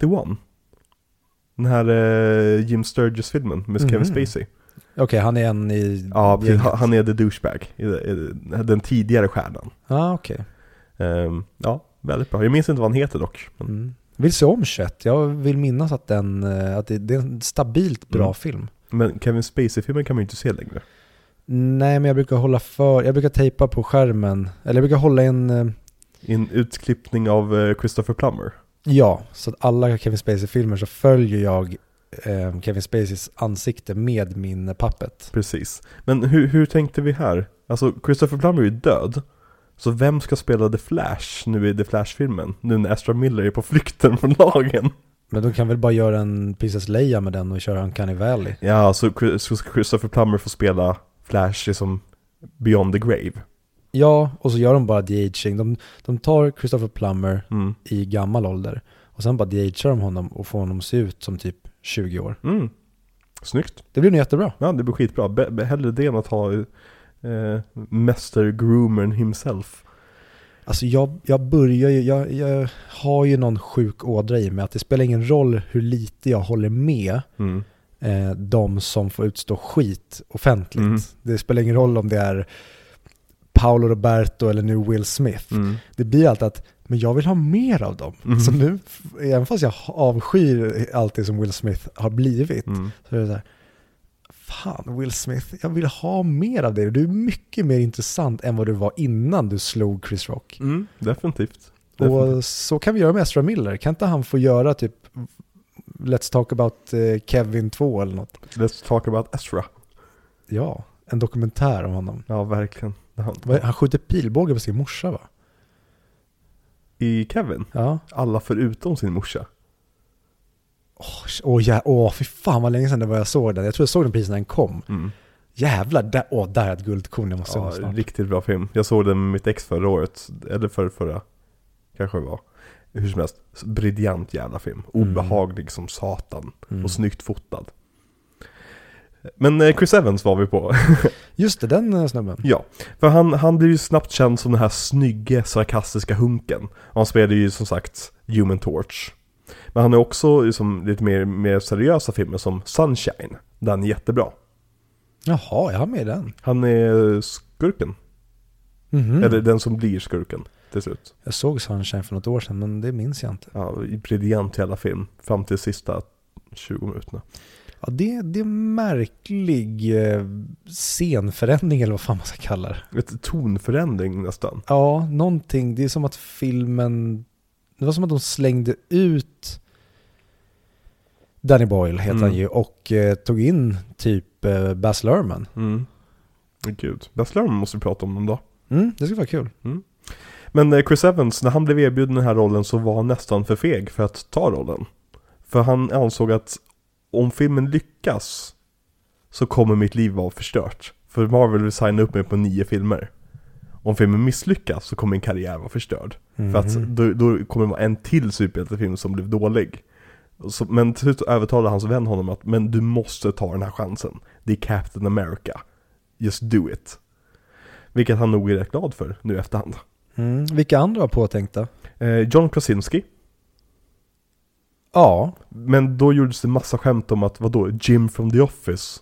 Nu, nu för tiden så är han lite mer naturlig som den rollen. När han liksom har blivit lite mer vuxen av sig. mm. Men då var det verkligen så här, vad fan tänker ni? Jim Krasinski, eller John Krasinski. Men även, vet han, Ryan Philippe. vem är det? Eh, snygg hunk skådis. Eh, väldigt populär på 90-talet, början på 2000-talet. Om du googlar honom så känner du igen, direkt igen hans ansikte. Så nu ska Victor googla här. Fan. Nej, det blir inget. Jag hittar inte min telefon. Ja. Går vi vidare. Då går vi vidare på Ryan Philippe. Men, Men, tillbaka till John Krasinski. Mm. Fan vad han hade, han hade verkligen kunnat rocka den. Alltså han och Mm. Chris Evans har ju verkligen den här helylle-feelingen. verkligen. Men Och jag förstår reaktionen på det där och då. Mm. Men idag när han är biffig Mm. och har, när man sett honom i skägg. Mm. Sen behöver inte han, han kanske inte skulle ha skägg. Det är väl just hans näsa Mm. som är det som gör eh, att han kanske är ett sämre alternativ till Chris Evans. Mm. För Chris Evans har ju verkligen den här, han ser ut som han är gjord i ett labb, Mm. vilket John Krasinski inte har, utan han är ju mer the guy next door. Mm. Ja men verkligen. Och eh, som, eh, alltså fansen var ju väldigt negativa till att Chris Evans skulle spela Captain Marvel. Nej, Captain America. Eh, och var verkligen typ såhär, vadå ska, ska douchebagen från, som spelar Human Torch vara den finaste människan på planeten? Hur ska det gå ihop? Men de glömde bort att eh, Chris Evans är en skådespelare.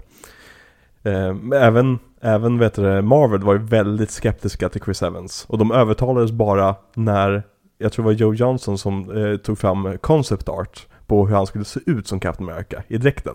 Och då sa Marvel att Ey, det är Captain America! Så här, jag, jag har sagt det i flera månader nu. Så här, ja men vi lyssnat inte, men det där är Captain America. Vi tar honom. Det där verkar ju vara en sjuk jävla grej med studiofolk och Mm. människor som kanske bara sitter på besluten och kanske inte som är, inom citationstecken, konstnärer. Mm. För det är jättemånga regissörer som jag jobbar med som säger det rakt ut att så här, vi måste tyvärr göra så här Mm. för att jag ska få med mig kunden. Mm. Alltså säg att vi jobbar med vilket varumärke som helst. Och så bara, men måste vi göra det här? Han bara, nej, jag, jag, jag är helt ointresserad av det här, men tyvärr, vi måste filma det här Mm. för att vi sen ska få med kunderna när jag presenterar. Mm. Och det är så jävla sjukt att det måste vara så, alltså i alla led verkar det som. Det är helt bisarrt. Varför inte bara lita på personen du litade på att anställa? För att det är patriarkatet Jaha, okej. som säger vi måste bestämma och du måste krypa för oss. Ja. Men, Chris Evans har ju inte bara varit med i Captain America-filmerna. Efter det här. Nej. Utan han har även setts, eh, efter han tog rollen som, som Steve Rogers, har han bland annat setts i till exempel The Avengers, som Steve Rogers. Ah, the guy from the movie. Ja, han har setts i Avengers 2 som Steve Rogers. I Ant-Man som Steve Rogers. I Civil War som Steve Rogers. I Spider-Man Homecoming som Steve Rogers. Infinity War som Steve Rogers. I Captain Marvel som Steve Rogers. I Endgame som Steve Rogers. Men han är aldrig Captain America efter det här. Jo, det är han. Han är bara. Steve Rogers. Men, men nu, nu skämtar jag lite grann. Han har också fått spela andra roller. Eh, inte bara liksom Steve Rogers. Till exempel 2013 så var han ju med i den här sci-fi filmen eh, Thor the Dark World. När han spelade Loki. Som spelade Steve Rogers. Jag vet inte, för jag har inte sett den här. Okay. Jag vad det jag försöker säga egentligen, han fastnade rätt rejält i Marvel-träsket om man säger så. Och visst, han, han är jättebra i typ Knives Out. Och Mm. även i Snowpiercer är han jättebra också. Ja, just det. Ja, men utöver det så har han varit mer eller mindre upptagen med att spela Steve Rogers. Ja, och det är ju en blessing och en curse för att när alla skådespelare i princip växer upp, Mm. då drömmer de väl förmodligen om att jag vill vara den där ikonen. Mm. Och sen så slår drömmen in precis som att jag vill vara känd. Mm. Och sen när det händer så visar det sig att det var en curse. Ja, för han är ju liksom, idag är han lika ikonisk som Christopher Reeve till exempel. Mm. Som Superman. Eller som Hugh Jackman, eh, Wolverine. Mm. Chris Evans är Captain America för hela världen. Ja, alltså det spelar ingen roll vad de gör med den karaktären och försöker Ja. rebranda. Han kommer aldrig tvättas bort. Exakt. Men efter att Joe Biden tog över rollen som Steve Rogers i slutet på Endgame eh, så har Chris lämnat Marvel bakom sig. Egentligen. Och han berättade först att han tänkte gå i pension. Men han ångrade sig då han istället upptäckte att han ville göra lite nya saker och hitta sig själv som skådis. Så det han valde att göra var då en Disney-franchise där han spelade en superhjälte och en actionfilm regisserad av Russo-bröderna. Mm. Mm. Jag, jag trodde du skulle börja prata om hur han eh, tog rollen som en senildement president. Och eh, skulle förstöra USA. Nu vänder ju du bara på mitt skämt. Jaha, var det det du gjorde? Mm. Jaha. Nej men det är just det, alltså det, Chris Evans är uppenbarligen väldigt trött på att spela Captain America och Steve Rogers hela tiden. Och han, han eh, liksom gick ju i pension med Endgame kan man säga det som. Alltså karaktären Steve Rogers. Mm. Och redan nu, bara tre år senare, så håller ju folk på typ såhär, men är det inte dags för Cap att komma tillbaka kanske? I en cameo. De säger, låt det andas för helvete. Vi håller på att bränna ut snubben. Ge det fem år, sen kan han komma tillbaka i en cameo eller vad fan som helst liksom. Men han har inte postat ett inlägg på hur länge som helst. Varför är det, det händer ingenting på hans Instagram? Ja men det är så här, folk, folk, samma sak med Iron Man. Folk typ såhär, i, i, i Black Widow-filmen, typ såhär, åh, Iron Man kommer vara med. Så här, men han har precis slutat spela Iron Man, tror han är intresserad av att göra en cameo nu eller? Mm. Och det tror jag många fans inte insåg när Endgame var slut. Mm. Det var att det är hej då för många av de här. Mm. Och de andra kommer myggas av ganska tätt inpå. Mm. Det går ju snack just nu till exempel om att Chris Hemsworths sista film som Thor kommer ju vara nya Thor. Och det är väl helt rimligt. Mm. Alltså annars skulle man väl inte ta in Natalie Portman för att axla det. Mm. Ja men precis, det känns som att Marvel i alla fall har en plan framöver. För att ersätta de här hjältarna de har tappat. Mm. Mm. Och jag läste i och för sig bara rubriken på den, men det var ju en nyhet tror jag, om det var idag eller igår, om att eh, Chris Evans, så jag säger Mm. rätt Chris, hade sagt att det är större chans att han spelar eh, Human Torch än att han spelar, eller Mm. han, ser, han ser det som en större möjlighet Mm. att han återvänder som Human Torch än som Steve Rogers. Mm. Och Vilket jag förstår honom som. Vilket, men absolut. jag tror inte det kommer bli så. Jag kommer, han kommer definitivt återvända som Steve Rogers i Ja. framtiden. Men låt det gå tio år så Exakt. att det blir en riktig boom. Exakt så det känns speciellt. Mm. Och hoppas till gudarna att Marvel har det här i sin alltså, plan. Mm. Så att de verkligen kan planera så att det inte blir som, jag ska inte nämna en tv-serie, men typ Obi-Wan Kenobi, där våra skådespelare som har åldrats 20 år helt plötsligt ska spela det sig själva för 20 år sedan. Att vi ser att men ni är ju mycket äldre, det här funkar ju inte. Mm. Utan att när de sen ska återanvända, till exempel ge Tony Stark eller Steve Rogers nya ark Mm. eller ta tillbaka dem på något sätt. Ja men ha en plan för det redan nu så ni vet vilken ålder de ska vara. Så Ja. att de passar. Förvisso har de ju lätt för sig i och med att han är gammal nu. Så de kan ju bara dra på honom sminket liksom. Jo men jag tänker, de kanske har liksom gjort ett multiverse på ett multiverse Mm. på ett multiverse. Det finns ju i Texas en, en, en story om Captain America.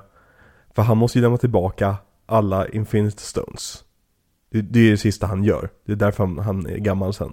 Mhm. Han åker ju tillbaka i tiden för att lämna tillbaka alla Stones som hade hämtat. Plus Thors hammare. Och sen åker han och gifter sig med Peggy. Och sen tar det jättelång tid och sen så åker han tillbaka till nutiden. Ja okej. Så det finns ju som utrymme att göra saker om de skulle vilja. Det hade varit svin, en väldigt, väldigt intressant Captain America-film att göra om 10-15 år. Mm, definitivt. Men ska vi prata om några andra skådespelare? Till exempel hon där. Hailey Atwell. Mm. Kollade igenom hennes filmografi. Har inte gjort så jättemycket eh, av substans. utöver de här filmerna. Så vad, vad tycker du om henne i den här filmen? Jätte, jätte, jättebra. Mm, verkligen. Näst efter, efter Chris Evans skulle jag säga att hon är liksom nästan MVP. I hur varm och härlig, men även liksom lite skinn på näsan hon är. Mm. Tillbaka till vad Marvel gör just nu med sina kvinnliga karaktärer. Mm. Hon är verkligen en stark kvinna på ett kvinnligt sätt. Och hur de får till deras relation Mm. i den här är, det är det jag tycker är det bästa med hela filmen. Tillbaka till eh, Tony och Pepper i första Mm. Iron Man. Det är verkligen det bästa med den och jag tycker det är samma sak med den här. Det är så jäkla fint hur de får till relationsbitarna i Mm. den här filmen och hur, ja men till då Pepper och, och Tony igen, de får inte varandra. Nej, och här är det lite mer tragiskt att de inte får varandra. Precis. Och de förankrar ju hela storyn egentligen i, i deras kärlekshistoria. Mm. Och det tycker jag är ett väldigt bra sätt att eh, humanisera karaktären. Eh, Mm. Captain, alltså Steve Rogers då. Ja men hon gör det jättebra att hon bryr sig om honom och tycker väldigt mycket om honom när han är skinny guy. Mhm. Men då är det som en lillebror. Mm. Och sen är det som den här kompisen, en, en, en tjej som har en tjejkompis vars lillebror alltid varit så här, men han är den mysiga lillebrorsan. Och så ser hon- hon inte honom på ett halvår och så han kommer in i puberteten och hon bara, oj, det kom snigelspår här för att min kompis bror är helt plötsligt inte en pojke längre, han är en man och det, Man kan se det som att hon, hon inte längre ser Steve som sin lillebror utan snarare som sin daddy. ja, Ja. Och det är helt förståeligt och det är så jävla bra att filmen talar om det. Ja, när hon går fram, när han är precis kommit ur kapseln och hon går fram och ska liksom kolla att han är okej Så måste hon röra vid hans bröstmuskel och tydligen var det eh, alltså ren impuls från Hailey Atwell under scenen. Att det är som att det var hennes reaktion på att se Chris sådär. Var det som att, oj, oj, liksom. Jättebra. Och jag tycker också de balanserar hennes karaktär väldigt bra. I det att hon är ju som den, den här hårdkokta bruttan. Mm. Samtidigt som hon är den här damen, Mm. eller the dame snarare. När hon kommer in till exempel i pu- puben, när hon på den röda klänningen. Mm. Och resten av, av sättet är typ sepia-färgat på grund av att det är massa militärer där inne. Och det bara poppar så jävla hårt. Ja, och vi pratade om det när vi såg den, att det är ju typ bara brittiska kvinnor som kan rocka det här. Mm. Vi har ju, jag återkommer alltid till det, men det är för att hon är, tycker jag, den moderna Meryl Streep, alltså Mhm. Kate Blanchett, kan ju Mm. alltid rocka den där, den så starka, intellektuella och classy woman. Verkligen. Men samma sak till om man går till James Bond och bara tar Eva Green som Vesper. Hur hon är jättevacker, alltså Mm. verkligen neckturning vacker. Men ändå så är hon så himla respektabel. Det blir inte the sexy broad utan det blir the classy beautiful woman. Ja, precis. Men nästa person på castlistan är ju Sebastian Stan. Mm. Och jag tycker han, jag gillar honom senare i, i Marvel. I den här filmen tycker jag att han är väldigt anonym. Ja, jag tycker inte han levererar överhuvudtaget. Jag tycker han, han är inte dålig, men jag tycker att han är lite muppig, hans Mm. karaktär. Och jag, jag får inte den relationen mellan de två som de vill att vi ska ha. Nej, nej men verkligen. Han var ju påtänkt som Captain America. Men han tog sig ur förhandlingarna när det upptäcktes att han inte är amerikan. För han är ju från Rumänien. Mm. Jag har för mig att han typ flyttade till USA när han var typ sju eller något sånt där. Jo jag vet, men de ville ha en helblodsamerikan. Ja, och det, det kan man väl köpa. Ah, ja, nej, Ja. jag har inget att säga om det. Sure. Han, han spelar ju skurken till exempel i eh, Hot Tub Time Machine. Inte sett. Har du inte? Nej. Uh, Chevy är väldigt bra i den. Mhm. Han spelar han som ska reparera The Hot Tub och råkar göra den till en time machine. Eller råkar, det är medvetet. Men han spelar typ dum. Mm. För den kommer ofta på listor över de bästa time travel-filmerna. Det vet jag fan om det. Det är en rätt larvig komedi eh, i slutändan. Men rätt rolig. Ja, men det finns ju inte så jävla mycket bra tidsresefilmer. Ofta så Mm. lyckas de ju inte få ihop logiken i det. Har du sett Primer? Mm. Du har det? Mm. Kan du rekommendera den? Verkligen. Ja. Jag det, minns inte supermycket av det, men jag minns när jag såg den bara, jävlar, det här var ett riktigt jävla bra indieprojekt. Den borde vi se tillsammans. Jag har Mm. aldrig sett den. Jag, har haft den på datorn i olika format sen den kom. Och jag har bara tankat den, men det har aldrig bara blivit att jag har sett den. Det skulle faktiskt vara kul att göra istället för en filmserie eller en regissör. Att Mm. ta ett koncept. Att vi kanske tar Mm. Time travel-filmer och väljer typ åtta stycken som vi båda gillar eller inte har Mm. sett och som ska vara bra. Eller musikaler. Det är ju en idé. Victor. Join the dark side. We got dance numbers. Det, jag, jag, har, jag älskar ju oironiska dansnummer i filmer. Mhm. Men jag är rädd för att om jag får en overdose på musikaler, Mm. då kan den kärleken försvinna. Vi kommer ju prata lite grann om musikaler alldeles strax. Det vet vi inte. Nej, det vet vi inte. Eh, vi har ju också Dominic Cooper i casten. Som spelar Howard Stark. Just Tonys det. pappa. Var är John Slattery? John Slattery, eh, han är på 60-talet. Det konstaterade vi ju i Iron Man 2. Han är ju fast där någonstans. Ja, just det. Och det här utspelar sig på 40-talet. Så de tog Sky från Mamma Mia istället. Ja, och det är ju synd att man inte använder John Slattery. Man har John Slattery för att det är, Roger Sterling är en av mina, eller jag, jag tycker typ att han är den bästa tv-karaktären Mm. ever. Och där hade man kanske kunnat göra honom lite yngre. Och jag tycker det är synd att de tar just Dominic Cooper för att ta någon som i alla fall är lite lik honom. Mm. Fan, de här skulle inte ens kunna vara sysslingar. Det, men det är ju verkligen, det finns ju som två stycken Howard Starks, kan man säga det som. Mm. Och de återanvänder bägge, vilket är kul. Ja, De, liksom, de, de har inte ratat Slattery, utan han är med sen i Endgame till exempel. just det. Och eh, de har inte ratat Dominic Cooper, för han, han får spela Howard i eh, Agent Carter tv-serien. Och lite sånt där, för man var med, på bilder och grejer. Så det, jag tycker det är kul ändå att de har de här två olika typerna av Howard Stark. Mm, ja, det de gör med Hulken så kan man förlåta det här. Exakt. Men han har vi sett till exempel som Dracula i Dracula Untold. Den ja. Såg du den? Nej. Nej, den, den är faktiskt helt duglig. Tre av fem funkar på en fredag. Eh, men den var ju meningen att starta The Dark Universe. Men den gick ju så dåligt så att de la ner det projektet och eh, gjorde The Mummy istället som skulle starta The Dark Universe. Mamman. Det är för övrigt en av de roligaste sakerna som någonsin har publicerats på nätet. Den här, public- den här publicistbilden på alla som skulle vara med i The Dark Universe. Mm. Hur ihopklippt de var, för ingen var i samma rum samtidigt. Och Tom Cruise är tydligen lång på den bilden. Ja, det är klart han är.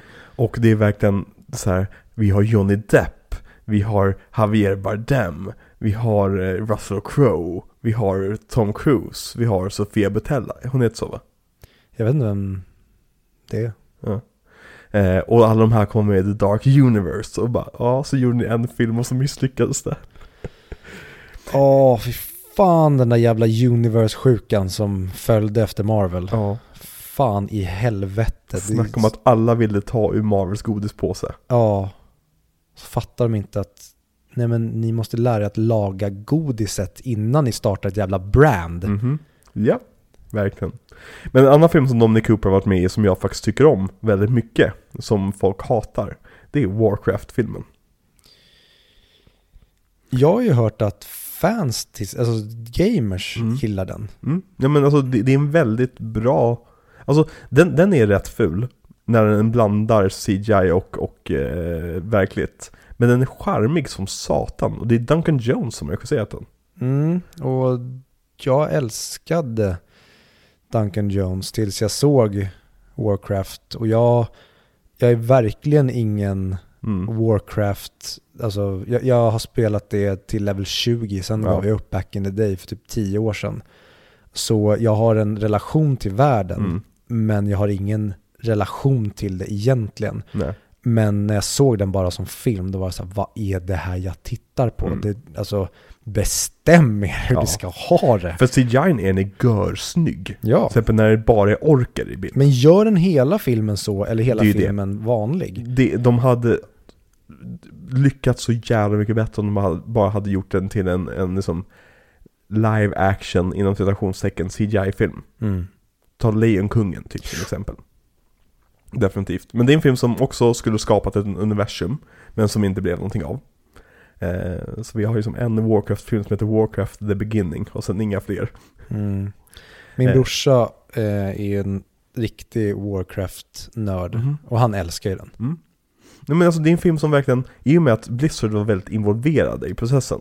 Och de höll ju på med det där projektet typ 15 år. Att försöka få till det.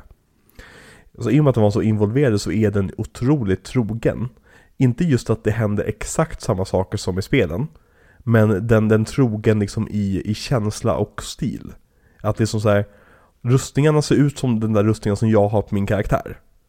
Den där karaktären har liksom den där staven som han har. Mm. Liksom, och så och stad, eh, Stormwind, stora huvudstaden, ser ut som Stormwind. Och de har liksom Griffins som de rider på. Och så åker de till Elwyn Forest, där, eh, Forest, där de träffar kungen i, på The Inn. Och alltså det är verkligen, det känns som att de faktiskt brydde sig. Mm. Och det gör så jävla mycket. Men sen har den ju King Arthur-sjukan. I det att den som blandar bedrövlig CGI med liksom helt Mm. okej sekvenser. Ja men det var det jag skulle inflika med att det känns som om Guy Ritchie hade tagits ur ehm, King Arthur och det bara var studion som fick bestämma hur den skulle ha varit. Så minns jag Warcraft tyvärr. Mm. Men, Nej, men- har, eh, just det, han gjorde väl Mute efter va? Ja, den såg jag aldrig. Jag vill minnas att den, den, den var bra, men den var inte bra. Det, det, jag har för mig att det var en film som hela tiden var på väg upp till att jävlar, det här är nice men det är inte det. Det är Mm. nice men det är inte det. Och jag för mig tyvärr att det berodde på Alexander Skarsgård. Vad ovanligt. Ja, det, det gör ont i mig. Alltså, kan inte Alexander Skarsgård bara göra komedier framöver? För det är Ja. där han ska vara. Han ska bara diva med hur stor och vacker och superhuman han ser ut. Mm. Sen har vi också Tommy Lee Jones med, med i filmen. Ja, Som- är, är han riktigt med i filmen? Nej, det, han vill ju inte vara med, märker man ju. Men som tur var med Tommy Lee Jones så han är typ bäst när han inte vill vara med, för han är grumpy då. Mm. Och han är bra när han är grumpy. Så Ja. antingen så bryr han sig och är grumpy, eller så bryr han sig inte och är grumpy. Och då funkar det.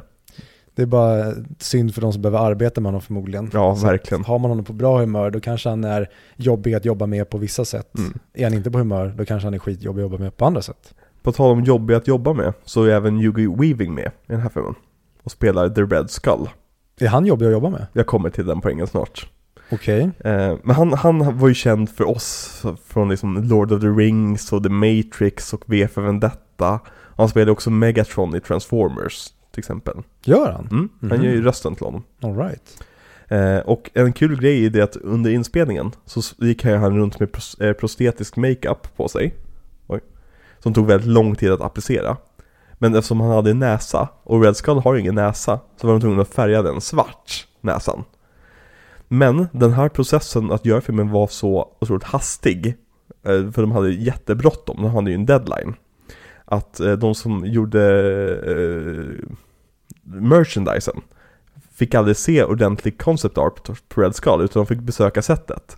Så all merchandise för den här filmen, så har Red Skull en svart näsa. Nej. Jo. ja. Och Captain America fel dräkt också. Eh, De trodde att de skulle göra en annan typ av dräkt för honom. Kul collectors item, I guess. Verkligen, men det är så jätteroligt. Han har verkligen den här hundnäsan liksom längst ut. Ja. Och Hu- Hugo Weaving tar upp den och säger han It must be cast back into the fire once it came. Japp. Men han, han tyckte ju inte om den här upplevelsen alls. Alltså, what so fucking ever. Han tyckte att det här var larvigt, tråkigt, jobbigt att sitta i makeup-trailern dag ut och dag in och få det här makeupen applicerad på sig. Så Marvel hade honom egentligen på ett kontrakt på, jag tror det var fem filmer. Men både Marvel och Hugo Weaving insåg att det är kanske inte så kul att lura, att, att tvinga Hugo Weaving att vara med i fler filmer, för då kommer det inte bli en särskilt, inte, in, särskilt rolig inspelning för resten av casten. Vad ledsen jag blir. För att jag har, jag hade ingen vetskap om hur Hugo Weaving var, men Mm. jag har alltid fått känslan av att han är en skön dude, Mhm. just för att han är med i, alltså inte så bajsnödiga projekt. Sen kan man säga att de sci-fi och fantasy-grejerna Mm. han är med i kanske är de bajsnödigaste sci-fi och fantasy-projekten, men har du varit med i Sagan om ringen, har du varit med i Matrix, har Mm. du varit med i V för Vendetta, då känns du som en snubbe som tycker att det är kul med kanske comic books och saker som kanske inte är så verkliga. Ja. Och då undrar jag, hur kan du då tycka att Red Skull är ett problem när du har spelat en jävla snubbe som går runt i eller fake-hår och en jävla klänning och sitter och är jätteseriös och pratar om ett smycke. Jag tror framförallt makeupen. Att han hela tiden var tvungen att ha på sig den här masken. Eller halva tiden då. Ja men okej Hugo, då, om det är det, Mm. då är det okej. Ja. Men då tycker jag, bit ihop för fan. Ja, för det är ju en ikonisk skurk på många sätt och vis. Alltså Ja. designen på Red Skull är helt fantastisk. Och jag älskar att de går all in på honom. Att det är som så här, de gör ingenting att, ja men han är lite disfigured, så han kanske har några brännskador som gör så att han ser ut som eh, att han är röd. Utan nej nej, nej nej. Han är the Red Skull i den här filmen. Mm. Och Det är, skitsnygg design. mm, verkligen, och de lyckas verkligen gifta praktiska effekter med CGI på honom. Mm. För de var ju tvungna att liksom tajta till hans ansikte med CGI för att det ska se ut som, ett, som en skalle liksom. Mm. Och ta bort näsan såklart och sjunka in i ögonen lite grann. Och jag tycker han ser gorgeous ut. Ja, och precis som de får till Voldemort i Harry Potter. Mm. Att de verkligen gör grunden och Mm. sen kan man pilla till det därifrån. Exakt. Men alltså, Hugo Weaving är ju en av våra, vår tids största, framförallt när det kommer till skurkar. För han Mm. är så jävla elektrisk. Oavsett, bara han, jag skulle vilja ha honom som typ narratör i mitt liv. Mr Landegren. How can you eat when you have no mouth? Okej, jag, tog till, jag tar tillbaka det. Mhm. Jag vill ha Ian McKellen istället. Så. Jag tänkte göra en Ian McKellen men jag, jag orkar inte. Vi har en sista skådespelare som jag vill prata om som är viktig. Toby Jones. Nej, Stanley Tucci. Jaha, men eh, nu har vi en film som Toby Jones är med i. Ja, faktiskt. Det är lite callback till våra Harry Potter-dagar. Sa inte du när du tittade, han är den första som kommer tillbaka i en miniserie. Och sen konstaterade vi att det var, fanns fler va? Ja, precis. Eh, Gwyneth Paltrow. Just det, så var det. Ja. Och Samuel L. Jackson. Så var det Ja. Och eh, tänkte så att nu, nu gjorde vi det lite på skoj men eh, John C. Reilly. Ja, den räknar vi bort. Ja men för att vi valde ju nästan Walk Hard för att han är med så mycket i Fulton Sensons filmer att det Ja. skulle vara en kul övergång. Men vi har Stanley Tucci med i den här filmen. Mm? Stanley Tucci som jag tycker alltid, alltid, alltid bara levererar en skön gubbe och så, som du sa när vi såg filmen, du, din relation till honom det är ju att han är pedofilen i, eh, vad heter den, Lovely Bones. Jo, The Lovely Bones. Lovely Bo- Ja, just det. Precis Peter det. Jacksons kalkonfilm. Ja, precis. Den fantastiska. Det är ju ehm, den värdelösa versionen av Prisoners typ. Mm. Ja men det är det jag har hört om det. Är inte det att han dödar henne? Jo. Och det är det märkliga. Spoiler alert. Ja men jag har inte ens sett, sett filmen och det, är det har nått mig liksom. Ja, ja, men jag fortsätter på den spoilern för att hon dör och vi får följa hur familjen typ hanterar det här samtidigt som de typ inte vet om hon är död. Mm. Och så får man se henne i någon slags skärseld. Ja, men om- precis. Om, riktigt, om hon riktigt, inte riktigt... Det är Limbo. någon slags heaven, eller där hon typ är, hon är på någon väntstation och får Mm. typ välja, fast hon får typ inte välja. Ja men precis. Och så är det typ Hobbit CGI. Och den, den vet inte vad den håller på med. För Nej. att den har typ ingen mening den filmen. Mm. Eh, för jävla dålig, Mm. vill jag minnas. Den filmen som introducerade honom för mig ordentligt, det var ECA. Som också introducerade mig för Emma Stone. Mm. Där han spelade en görsköna farsan. Jävlar vad den filmen tog mig på sängen. Ja, verkligen. Och deras svarta son som säger But I'm adopted. Och hans reaktion är You're adopted? What? What didn't anyone tell me? Han är bara så jävla skön. Jag älskar sådana karaktärer, så här odömande pappakaraktärer. Mm. Som bara är med på noterna. Det är som så här, "Ja, jag förstår att du är tonåring, det är jobbigt, du kommer göra konstiga beslut, men jag är här för dig. Mm. Eh, men han är också, spelar också en väldigt skön karaktär i filmen Conspiracy. Han spelar Adolf Eichmann. Mm. Ja. Du nämnde den i ett annat avsnitt. Ja, för Kenneth Branagh spelar, eh, gud, Heidrich någonting. Hail Heidrich. Ja men precis, exakt. Ja, men en jävligt bra HBO-film som tydligen, jag berättade förra gången vad, vad den handlade om. Det är Mm. ju som konferensen där nazisterna kom fram till att de måste utrota alla judar. Mm. Någon 12 Angry Men Ja men precis. style. Det jag lärde mig den här gången, det är det att den är baserad på det bokstavliga manuset som överlevde från den konferensen. Mhm. Så liksom det de säger var det nazisterna sa. Nice. Ja, det var ju verkligen en film jag bör ta tag i. Verkligen, alltså så, den finns på HBO, den är typ 90 minuter lång. Det är, det är en breeze. Eh, Den, det är en sån här film jag kan stå på när som helst. Vilket låter lite konstigt eftersom den hanterar väldigt mörka teman. Men det är en väldigt mysig film. Det är bara som gubbar i fina kläder sitter och snackar. Som det var i Nazityskland. Precis, exakt. Sen var det en annan verklighet där ute, men Ja. inne på kontoret så var det säkert jättehärligt. Ja men säkert, alltså det bästa jobbet du skulle nog kunna ha i Nazityskland som en som normal person, alltså så länge du inte liksom är liksom, i toppen, det är ju typ att vara liksom sekreterare till någon av de här som över, överhuvudena. Mm. Att bara liksom sitta i din jävla SS-uniform och sitta och knappa på en skrivmaskin hela dagarna. Och sen får du liksom röra dig i de här liksom palatsen som de byggde. Liksom. Mm. Ja, imponerande. Imponerande, vet fan om det Men eh, Stanley Tucci har... Jag tycker att det är Jo, imponerande. jag vet att du tycker, jag försöker bara rädda din karriär här från att saboteras helt och hållet. Rekrytera mig. Okej. Eh, Stanley Tucci, han är ju väldigt kär i att vara med i, i genrefilmer och i franchises. Så han är ju med i Hunger Games, han är med i Beauty and the Beast, Percy Jackson, Jack and the Giant Slayer och även Transformers. All right. Han gillar en paycheck. Mm, och han har varit med i några Stefan Spelberg-filmer. Och den enda som jag kommer på nu, jag för mig att han är med i typ The, The Post. Terminal. Ja men The Terminal är den jag kommer att tänka på, men jag för mig att han är med i typ The Post och Bridge of Spies. Sen är han säkert inte med i någon av dem. Nej, Nej, jag tror du tänker på Rylance. jag har för mig att han är med i... Jag vet inte, men jag Ja. vill minnas att han är med, att han dyker upp i fler Steven Spielberg-filmer än vad jag Är bekväm trodde. med. Ja, vad jag är bekväm med också. Eller framförallt den delen av Steven Spielbergs karriär som jag är bekväm med. Men jag tycker tyvärr att han är för jävla jobbig och en så jävla onyanserad och ja, men, platt skriven karaktär i The Terminal. Mm. Ja men i The Terminal är han ju onödigt ond. Ja, han är så osympatisk att det är konstigt att någon ens vill jobba för honom. Ja. Vad tycker du om honom i den här filmen då? Spelar Abraham Erskine. Alltså helt okej. Typ, Mhm. Jag sa det när vi tittade tror jag att eh, han har ingenting mot eh, Jensin, tyvärr. Mhm. Fast han har sjukt mycket mindre screen time. För där tycker jag han gör mycket bättre fadersroll eller den här lilla mentorn eller någon som ska Mm. liksom, ta våran hjälte om ryggen. Mm. Men han är stabil. Mm. Tyvärr, Stanley Tucci, han, han, har gett, han har en väldigt mycket karisma.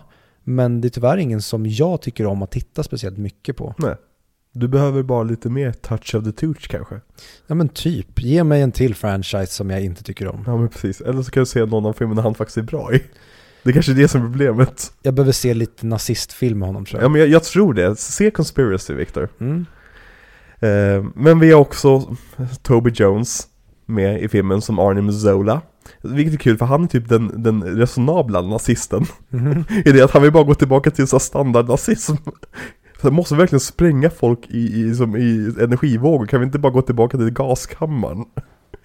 Eh, Simpler times. vi har David Bradley, känd från Game of Thrones och Harry Potter. Finch. David Fincher. Ja, heter han David Bradley? Ja, Jävlar vad jag inte hade... Han, han, nej, ni får döpa om honom. ja. Döp honom typ till Argus Filch. David Fincher. Och Nja. Dean Norris. Okej då. Dean Norris kan han heta. Ja. Ja, för han, han dök väl upp på sättet i sina, sina standard hemmakläder som han hade hemma liksom. Mm. Han ser alltid ut sådär. Han sprang lite roligt. Ja, precis. Och för de som inte är med på noterna, alltså det är, i Game of Thrones så spelar han ju eh, Walder Frey va? Eller hur? Ja, Walder. Ja, hon precis. Säger, visst är det Arya räknar upp? Hon säger väl Walder Frey? Ja, precis. Walder Frey. Han, han har ju massa, massa söner och döttrar. Alla heter ju Waldo, Waldy, Wal- Wilda och så vidare. Men mannen som ligger bakom The Red Wedding helt enkelt. Den eh, bästa killen ever. Ja, verkligen. Eh, vi har också Natalie Dorman. Do- Dormer, inte Dorman. Natalie Dormer, även, även hon från Game of Thrones, spelar Mm. Marjorie i Game of Thrones. Och det här är precis innan Game of Thrones börjar också. Mhm. Så det är som, det, antagligen, det kan vara så att hon fick rollen på grund av den här filmen. Men hon är jättebra i Game of Thrones. Ja, verkligen. Och så fruktansvärt vacker. Jag är beredd att hålla med. Och en sak som jag verkligen lade märke till på min senaste omtitt när jag såg det med Ida. Det var det hur fin hennes och Tommens relation är. Mm. Hur, hur liksom, hon manipulerar ju skiten ur honom såklart. Men de är också väldigt snälla mot varandra. Och väldigt, väldigt så här. Ja men väldigt, väldigt fina mot varandra bara. Ja, men hon är ju en väldigt fin karaktär på väldigt många sätt. Mm. Och inser ju att han är ett sånt brutalt jävla offer i den där soppan som Ja. han befinner sig i. Så att hon behandlar ju honom schysst samtidigt som hon har sina egna intressen. Precis. Men hon kan ju göra det utan att pissa på honom. Exakt, till skillnad från kanske Cersei som bara pissar på Tommen känns som.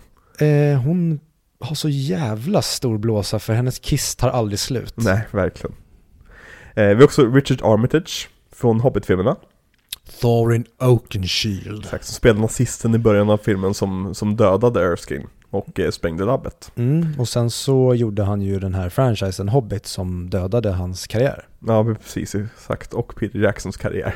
Ja, det kanske var, det är så jävla sjukt att vi sitter här, eller jag talar för mig själv i alla fall, jag sitter här och hatar Peter Jackson. Mm. Fast han var den bästa mannen på planeten under hela min uppväxt. Ja men okej, vi, vi säger så här. Om du hade frågat Viktor 2004 Vilken film tror du, tror du du kommer tycka mest om? Captain America eller Hobbit-filmerna? Jag har sagt, vem, Captain America, vem? Det är så bisarrt egentligen att de misslyckas så fatalt med Hobbit-filmerna. Men de kommer vi komma in på i framtiden.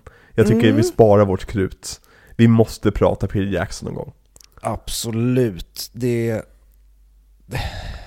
Ja, jävlar. Jag är framförallt väldigt intresserad av hans eh, tidiga Mm. karriär och se vad, The Frighteners. ja, Heavenly Creatures, vad hette de? Ehm, Brain Dead. ja, exakt, Brain Mm. Ehm, och se vad, som vi gjorde med PTA, se var i helvete gick, var, var ser vi att det börjar skava i fasaden? För det fick vi aldrig göra med Paul Thomas Anderson. Nej. Nej, där skav det aldrig. Nej, så det skulle vara kul att köra en regissör där det derailar totalt och eh, nästa miniserie har jag en... eh, Min magkänsla säger att det finns derailing-möjligheter där. Oh ja, det finns väldigt många derailing-möjligheter ute på den australiensiska landsbygden. Eh, Okej, men när vi ändå pratar om vad vi tycker om filmen. Vad, vad tycker du om den här filmen, Viktor? Jättecharmig. Ja. Den är långt från eh, perfekt. Den, och nu tittar jag på den jävla hangarscenen. Ja, det är jobbigt att just den här scenen spelades upp nu. Oj, oj, oj, oj, aj, aj, aj. Det gör ont i mig. Åh herregud, åh de kysser varandra. Ja, vad bra. Det makes up for everything. Ja. Eh, nej men framförallt, he- hela vägen fram tills han blir eh, Cap, eller tills han får sin kropp, Mm. är hur charmig som helst. Mm. Jag älskar sådana delar innan hjälten får bli hjälte. Mm. När man får se honom misslyckas och han är fortfarande charmig. Alla omkring honom garvar åt honom, han försöker. Det är kul att bara få se sådana montage när han försöker klättra över de här repsteg Ja, men precis. Ehm, och sen är det bara hur häftigt som helst att se när han väl får sina krafter och Mm. vad han gör med det. Det är kul att se hur han blir använd. Och sen så har jag problem med tredje akten. Och Mm. framförallt så har jag problem med tredje akten för att det är där vi börjar få in massa laser, blått ljus. Mm. Och jag kommer återkomma till det i Avengers, men det blåa ljuset och hur, hur det, det designvalet de gör där, det är mycket problematiskt för mig i bara hur det känns att titta på. Men jag kommer komma Mm. tillbaka till mer om det i Avengers, men här börjar den sjukan att komma. Mm. Jag älskar alla delar som är i 40-talet, Mm. när vi får ha det i de riktiga miljöerna, då är allting helt fantastiskt tycker jag. Exakt. Men så fort vi börjar gå mot green screen, det blir stora miljöer och det blir blåa laserstrålar och sådana grejer. Då blir det tyvärr att jag börjar zona ut. Så den, den har väldigt höga toppar och dalarna är tyvärr alldeles för, ja just det, det var det här ja. Mm. Eh, så att den, den är på samma nivå, nej okej jag ska inte börja jämföra med andra filmer. Den, den är charmig. Mm. Och Chris Evans är jättecharmig Mm. och eh, hans relation med Peggy är jättecharmig Mm. och jag hade velat se en till film innan de skiljs åt. Mm. Verkligen. Nej, men jag, alltså jag skriver ju under på allt det du säger förutom att de negativa bitarna inte rör mig. Eh, för jag minns första gången jag såg den här filmen, den här är en film som blir bättre för varje gång jag ser den. För första gången jag såg filmen så var jag mycket inne på ditt spår. Jag tyckte om den väldigt mycket, jag gillade den här, vad ska man säga, den här fake 40-talskänslan som de har. För det känns aldrig som att de är i 40-talet på riktigt, men det känns som att de är i en film från 40-talet, Mm. så att säga. Med alla liksom, som vi var inne på, alla konsoler och alla liksom maskiner och alltihop och sånt där. Eh, Men som sagt, tredje akten är ju lite av en som rehash av saker vi redan sett genom filmen. Men nu för tiden så är det så här, jag är så förundrad över hur hon verkligen, hur hon lyckades så väl med alla karaktärerna i den här filmen. Mm. Att jag så här, jag, jag, jag blir okritisk. Det här är en sån här film som gör mig okritisk. Mm. Och det här är en av mina absoluta Marvel-favoriter. Det är ju en mysig film. Ja, den är jättemysig och det är en härlig bara, rakt upp och ner, en äventyrsfilm. Och den, Mm. den som använder sig av Joe Johnstons styrkor, tyvärr några av svagheterna också, men framförallt så visar den på liksom kompetens och självsäkerhet, tycker jag. Mm. Och sen ska jag också säga, Joss Whedon togs in, för att under tiden den här filmen gjordes så höll ju Avengers på att produceras. Så han togs in för att puncha upp manuset. Och han har sen skrivit linen om att han inte kan bli full. Vilket är en jättebra liten, litet moment efter att Bucky dör. Mm. Ehm, nej men så jag, jag, jag, den här filmen är en sån här film som jag har börjat älska förbehållslöst. Ehm, jag, ser, jag ser sprickorna i fasaden, men de sprickorna för mig, de betyder ingenting för fasaden för mig är tillräckligt stark att jag inte ska bry mig. Ehm, och jag är inte lika känslig för dålig CGI som, som du. Heller. Nej. Så jag, de kommer ju undan med saker på ett helt annat sätt för mig. Men jag tycker bara, det, det är att, att få se Red Skull på skärmen slåss mot Captain America Det är liksom Återigen, jag, jag, jag kommer återupprepa mig så mycket under alla Marvel-serier vi kommer göra men, men jag trodde inte aldrig att jag skulle få se det här Och jag kan verkligen förstå och eh, jag har, vad säger man, jag är väldigt glad för din skull att man Mm. får se sina darlings i det här läget. Jag har nämnt det tidigare, jag tror inte jag nämnt det i um, AVK, men Mm. jag nämnde det i 100 mick att om det är några jag skulle vilja se göra en av mina barndoms darlings universum, Mm. då är det ju, sätt Marvel Studios på att göra Dragon Ball. mm. Ja men verkligen För det, jag skulle verkligen, i den här estetiken och känslan av det skulle de gärna kunna få göra det universumet. Jag tror att det kunde bli hur nice som helst och därför, Och kärleken för grundmaterialet precis, alltså konvertera den här fighting-scenen som vi ser på rymdskepp, eller säga på um, flygplanet Mm. samtidigt som det håller på att störta mellan Red Skull och eh, Captain America. Att få se någonting liknande, man byter ut det mot Son Goku och Vegeta eller någonting. Mm. Det hade ju varit bara childhood porn, så jag, jag förstår ju verkligen varför du älskar det. Ja, det här shotet var jävligt snyggt för övrigt Mm, och mycket av den här filmens eh, charm tycker jag kommer från det amblinska. Mm. Att det verkligen känns som att ja, men det här är verkligen en prodigy till Steven Spielberg. Exakt Inledningen är ju som stulen från Steve Spielbergs hjärna Verkligen. Med som ljussättningen och liksom det här liksom quasi-militära ute i, i, i som den som arktiska vildmarken. Mm. Det är väldigt amlinskt överlag. Mm. Eh, men den här filmen, den skulle släppas, så var ju Marvel väldigt, väldigt nervös över titeln. Just på grund av att Captain America inte var vara liksom den coolaste karaktären i universumet direkt. Mm. Och dessutom så, det här var ju som, Irakkriget var ju väldigt nära fortfarande i tiden. Så Marvel gav alla länder ett, ett val, eller alla liksom marknader i länder ett val. Att antingen ge namnet Captain America The First Avenger, eller bara The First Avenger. Men vad jag läste på så var det bara tre länder som faktiskt tog The First Avenger som titel. Och det var Ryssland, det var Ukraina, som på den tiden var väldigt ryssvänligt, till skillnad från idag. Eh, och även Sydkorea. Resten av alla länder eh, släppte den som Captain America, The First Avenger. Inklusive Kina. Vilket var lite av en mindfuck för Marvel. Att säga, vänta, tycker ni att Captain America är cool? så här, ja men ni gjorde en bra film här, vi vill släppa den. Okej. Okay. Okej, ja, då så, kör på det då. Och sen såg de deras var- omklippta variant.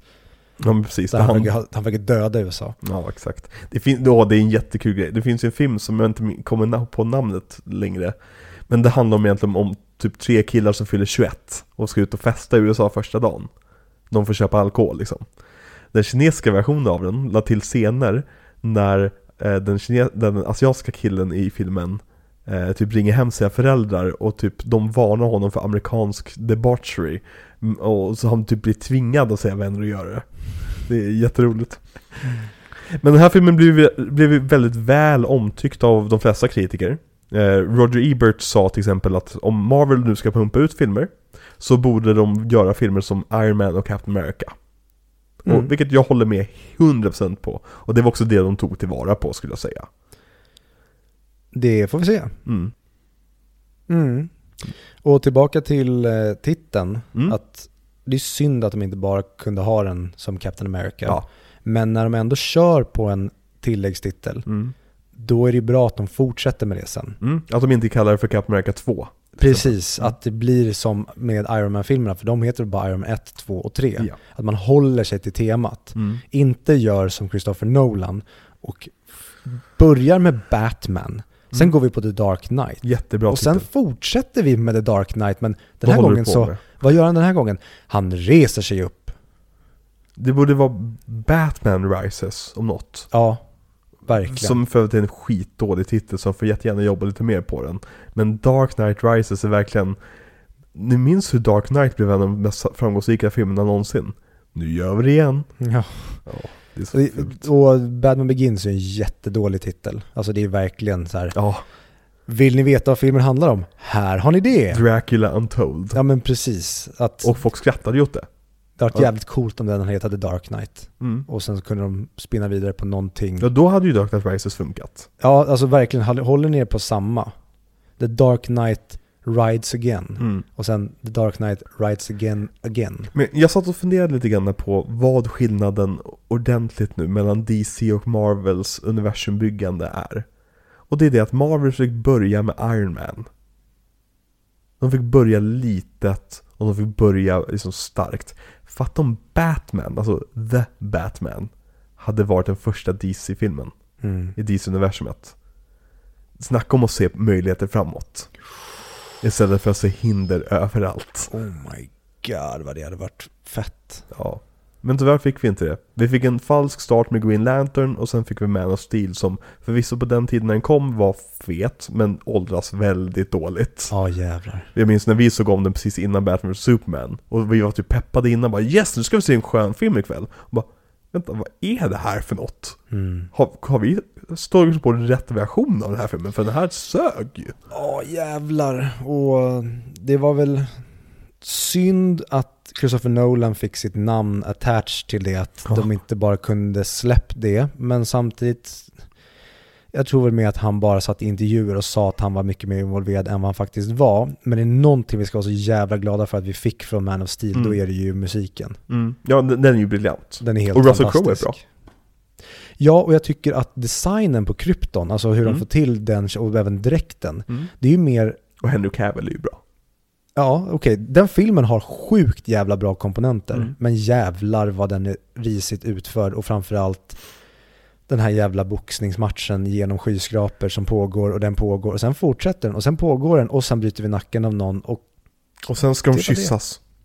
just det. Han och Lois. Ja, det, den gör så konstiga grejer som, och det har varit så jäkla häftigt att se en, tänk att bara få The Man of Steel, Mm. eller Man of Steel, och att få en småskalig film som kanske är mer smålvilsk. Mm. Där du kanske har mer små LeVille. Ja, ja men där det kanske handlar mer om hur han ska, hur, hur gör man när man har förlorat sin pappa på det sättet? men den filmen är så hoppig. ja, och de den här är hopp- så här, du har han har förlorat två f- farsor, Mm. men det är som att det är bara så här springs förbi Mm. och sen så ska vi slåss. Ja. Och jättebra cast över hela, alltså Mm. Michael Shannon som skurk, det tackar mig aldrig nej till. Nej, verkligen. Och sen en massa konstiga, Kevin Costner som pappa. jättebra. Mm, verkligen. Det, Diane Lane va? Mm. Som Mark Kent. Amy Adams, som jag inte tycker om. Nej, men jag tycker det är en bra casting för eh, Verkligen. Lois. Och, och i den här filmen funkar hon. I Man of Steel alltså. Nu började vi prata om Man of Steel. Ja, men det, den, den tåls att prata om, den Ja. tåls inte att se.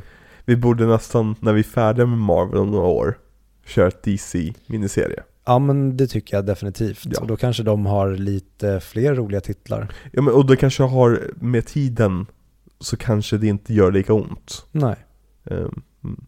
men de har ju, alltså, det ska man ju säga om deras världsbyggande är fel, men de har ju riktigt bra titlar nu på slutet. Så att då kanske det kan vara kul att jobba sig igenom skiten från början. Fast Joker och The Batman är inte med i DCEU. Nej okej, men det är väl DC, alltså Warner Bros som gör det. Jo, jo, men då, kan, måste- då måste vi prata om Green Lantern och... Alltså, ska vi öppna upp den lådan då, då, då ska vi öppna upp hela DC-lådan. Vi kan inte bara lägga in två filmer för att vi tycker att de är bra. Om vi ska prata DCEU, alltså DC-universumet, då är det DC-universumet vi pratar om. Ja, jag menade alltså DCs film, alltså när de pumpar ut filmer från The Green Lantern och framåt. Och vad, vad de håller på med, alltså hur de börjar med någonting och sen derailar de från det men samtidigt håller vi typ fortfarande på med det. Ja. Det är många år kvar så vi kommer säkert ha hunnit ändra den planen 50 gånger innan dess. Vi hoppas det. Ja. Och förmodligen så då har vi kanske en eh, Joker-film som är en musikal med Lady Gaga. Precis, oh, just det. Oh my gosh. Okej, okay, filmens MVP? Chris Evans. Ja, nej men jag håller med 100%. Det är, han, han, han borde inte klarat av den där rollen. Och den här rollen är så svår att göra. Alltså den här go- genomgoda personen. Mm. För det är ju det väldigt många kritiserar typ Superman för. Det är omöjligt att göra en Superman-film för att vad ska han lära sig? Och det är så här, ja, det är så här, Chris Evans lyckades verkligen plocka fram godheten i karaktären. Mm. Och göra så att man verkligen känner att den är genuin. Och han är allvarsam. Och han drar inte jättemycket skämt direkt. Utan han är lite av en tråkig person. Men man älskar ju honom. Ja, de får till det klockrent. Ja. Det är jättebra till Man of Steel, där, in, där de inte tycker att de får till det. Alltså, Mm. Henry Cavill är jättebra som eh, Clark Kent. Men den är dåligt skriven. Ja, men precis, men han är så jävla ointressant. Ja, det, det, han är så trist. Han ska vara lite av ett mysterium också genom halva filmen. Ja, Vilket gör bara ännu sämre. och vi ska ju se hur Lois Lane blir kär i honom, vilket vi Mm. inte får. Nej. Men det får vi ju med Peggy här. Mm. Vi ser ju direkt varför hon blir kär i honom. Exakt. I till och med flera olika stadier, vilket är kanon. Mm. Okej, eh, betyg på filmen då? Den landar nog bara på en 3 av 5 Mm.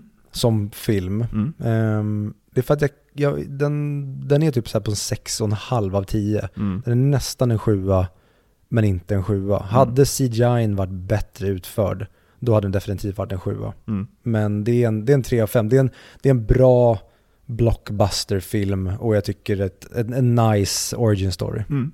Definitivt. Mm. Och du då? Mina Marvel-betyg ska man alltid ta med en nypa salt. För att jag, jag blir, jag blir, alltså jag ställer mig på alla fyra och putar med röven i luften liksom när det Mm. kommer till Marvel. Så jag, jag sätter 9 av 10 på den här. Jag Damn. älskar den här filmen. Det är verkligen, det här är en film jag kan slå på om och om igen. Och den uppe där bland mina Marvel-favoriter, 100%. Kul. Mm, Sa vi betyg förra veckan? Eller Eh, förra, förra veckan blir det Nej, förra veckan förra blir veckan sa vi betyg. 11 av 10. Just det. Veckan dess Thor. Jo men i Thor-avsnittet nämnde vi betyg. Nej, det var ju det. Vi sa ju för, förra veckan var 11 av 10. Och förra veckan sa vi Just det, förra veckan. Ja, exakt. Så, men om vi inte har satt betyg på Thor-avsnittet, eh, Thor-filmen, vad, vad sätter du på Thor? 3 av 5. Ja. Jag sätter eh, 4 5. Mm. Men återigen, mina Marvel-betyg är lite dopade. Mm. Och om jag ska, sen kommer ju vi göra en eh, ranking när Ja. vi väl har pratat Ja, Avengers. jag tycker inte vi jämför dem än. Det gör vi Nej. nästa vecka. Men jag vill bara säga det att jag tycker ju typ att Thor och Captain America, de, de, de har de har samma typ av charm, Mm. men inte samma charm. Nej, Nej men jag, de, du får olika smaker av glass, men glass är gott. verkligen. Och det är, det är lite kul att, att just Thor och Captain America var två filmer du tyckte om från den här miniserien. Mm? Det, är- det, det är just sånt här vi gör den här miniserien för. Mm. Ehm, har vi något mer vi vill säga innan vi ska runda av? Vi ska väl tacka våra patroner. Ja, det kan vi göra. Kör hårt. Vi älskar er. Vi vill ha barn med er. Vi vill gärna att eh, vi ska stoppa in er i en metalltank och eh, spruta er fulla med serum så att ni får superkrafter.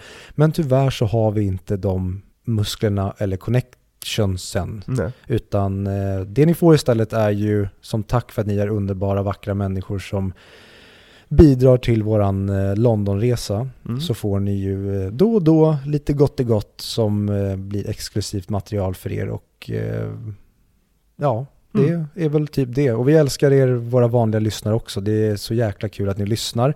Det är väldigt kul när ni ställer frågor eller bara ger en, en kommentar. Mm. Och ni som inte vill bidra genom att vara Patreons, vi blir ju superglada om ni bara vill trycka på en like eller på en dela på våra inlägg på det sociala mediet som ni ser våra inlägg på. För Mm. det hjälper oss att nå till nya lyssnare. Och det Exakt. gör oss Så vi kan pumpa på pengar. Precis, så att vi kan eh, tigga. Ja, precis. Vi kommer bli superrika på våra 25 kronor per person i månaden. Vi älskar er allihopa. Hela jävla skaran. Vi älskar Bert Karlsson och Skara Sommarland. Och Skara Sommarland. Hela jävla Skara Sommarland. Var det inte någon grej med Skara nyss? Någon kontrovers?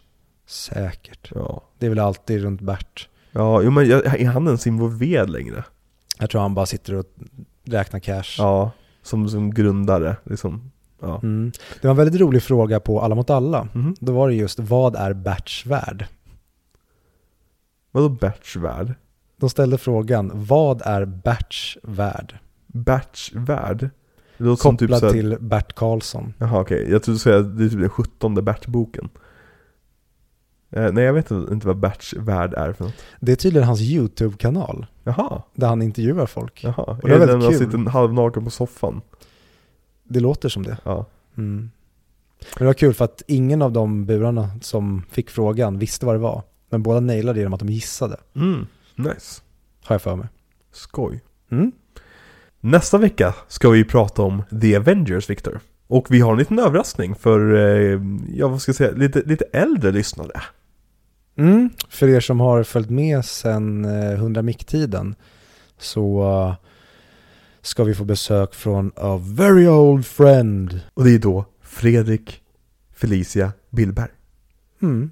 Hon kommer göra ett gästspel Ja. och eh, prata power levels med oss nästa vecka. Exakt. Jag har ju faktiskt skrivit in i manuset Power Levels diskussion. Så nu, nu, nu jävlar kommer vi rocka. Och det här är väl andra gången vi pratar Avengers, vi tre?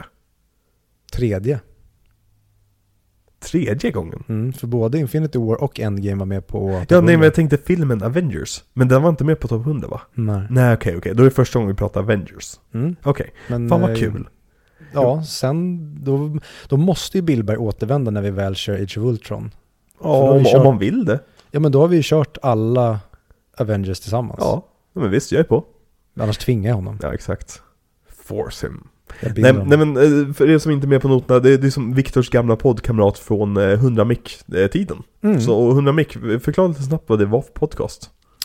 Det var ju en, eh, nu citerar jag min pappa här, eh, är 100cc, är inte det någon bilgrej? Mhm. Sen nej pappa, det är en filmpodcast som jag gör, varför bryr du dig aldrig om det jag gör någon gång? Eh, nej men det var ju, eh, vad säger man, eh, föräldern till Audio Videoklubben där jag och Fredrik Billberg gjorde, hos eh, Moviesin.se gjorde vi en, eller med Moviesin.se gjorde vi en genomgång av IMDBs topp 100-lista.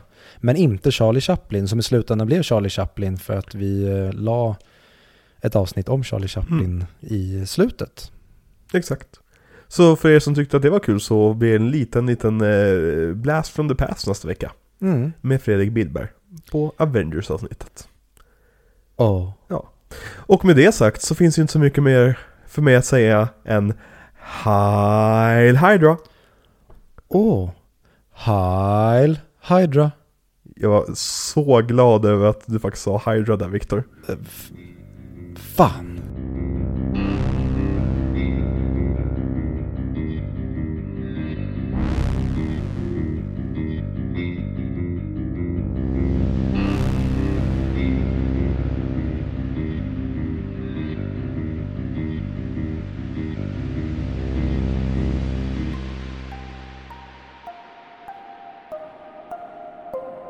Ska vi prata lite grann om after credit-sekvensen som vi aldrig såg? Eh, Okej. För att eh, after credit-sekvensen på den här filmen, det är ju bara en trailer för The Avengers. Mhm. Eh, och den, den är ju så obetydlig att den kom inte ens med på Disney Plus-versionen. Så Victor har inte sett den på åtminstone 13 år. Nej, jag såg väl den när det väl skulle bege sig. Ja. För att jag såg faktiskt Avengers på bio. Mm. Den... Det är en... Ja, det var nog den, den första Marvel-filmen jag såg på bio. Spännande. Inte ens Iron Man. Nej, den vet jag att jag laddade ner och såg på datorn hemma. Kul.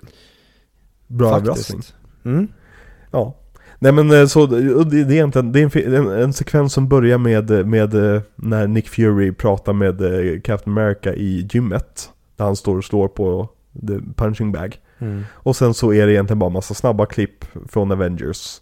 Och det enda jag minns från den var, för fan vad häftigt det här är, att de kommer äntligen, nu är det på riktigt liksom. Mm. Nu är det inte bara en, ja men tänk om, de kommer göra det. Utan nu ser jag Thor stå bredvid Iron Man. What the fuck? Och det är ett år kvar tills jag får se den. Och sen var Mark Ruffalo med och då undrar vem spelar han? Ja, precis, exakt. Och det är väl egentligen det som går att säga om post credit sekvensen för att det, den är så pass obetydlig.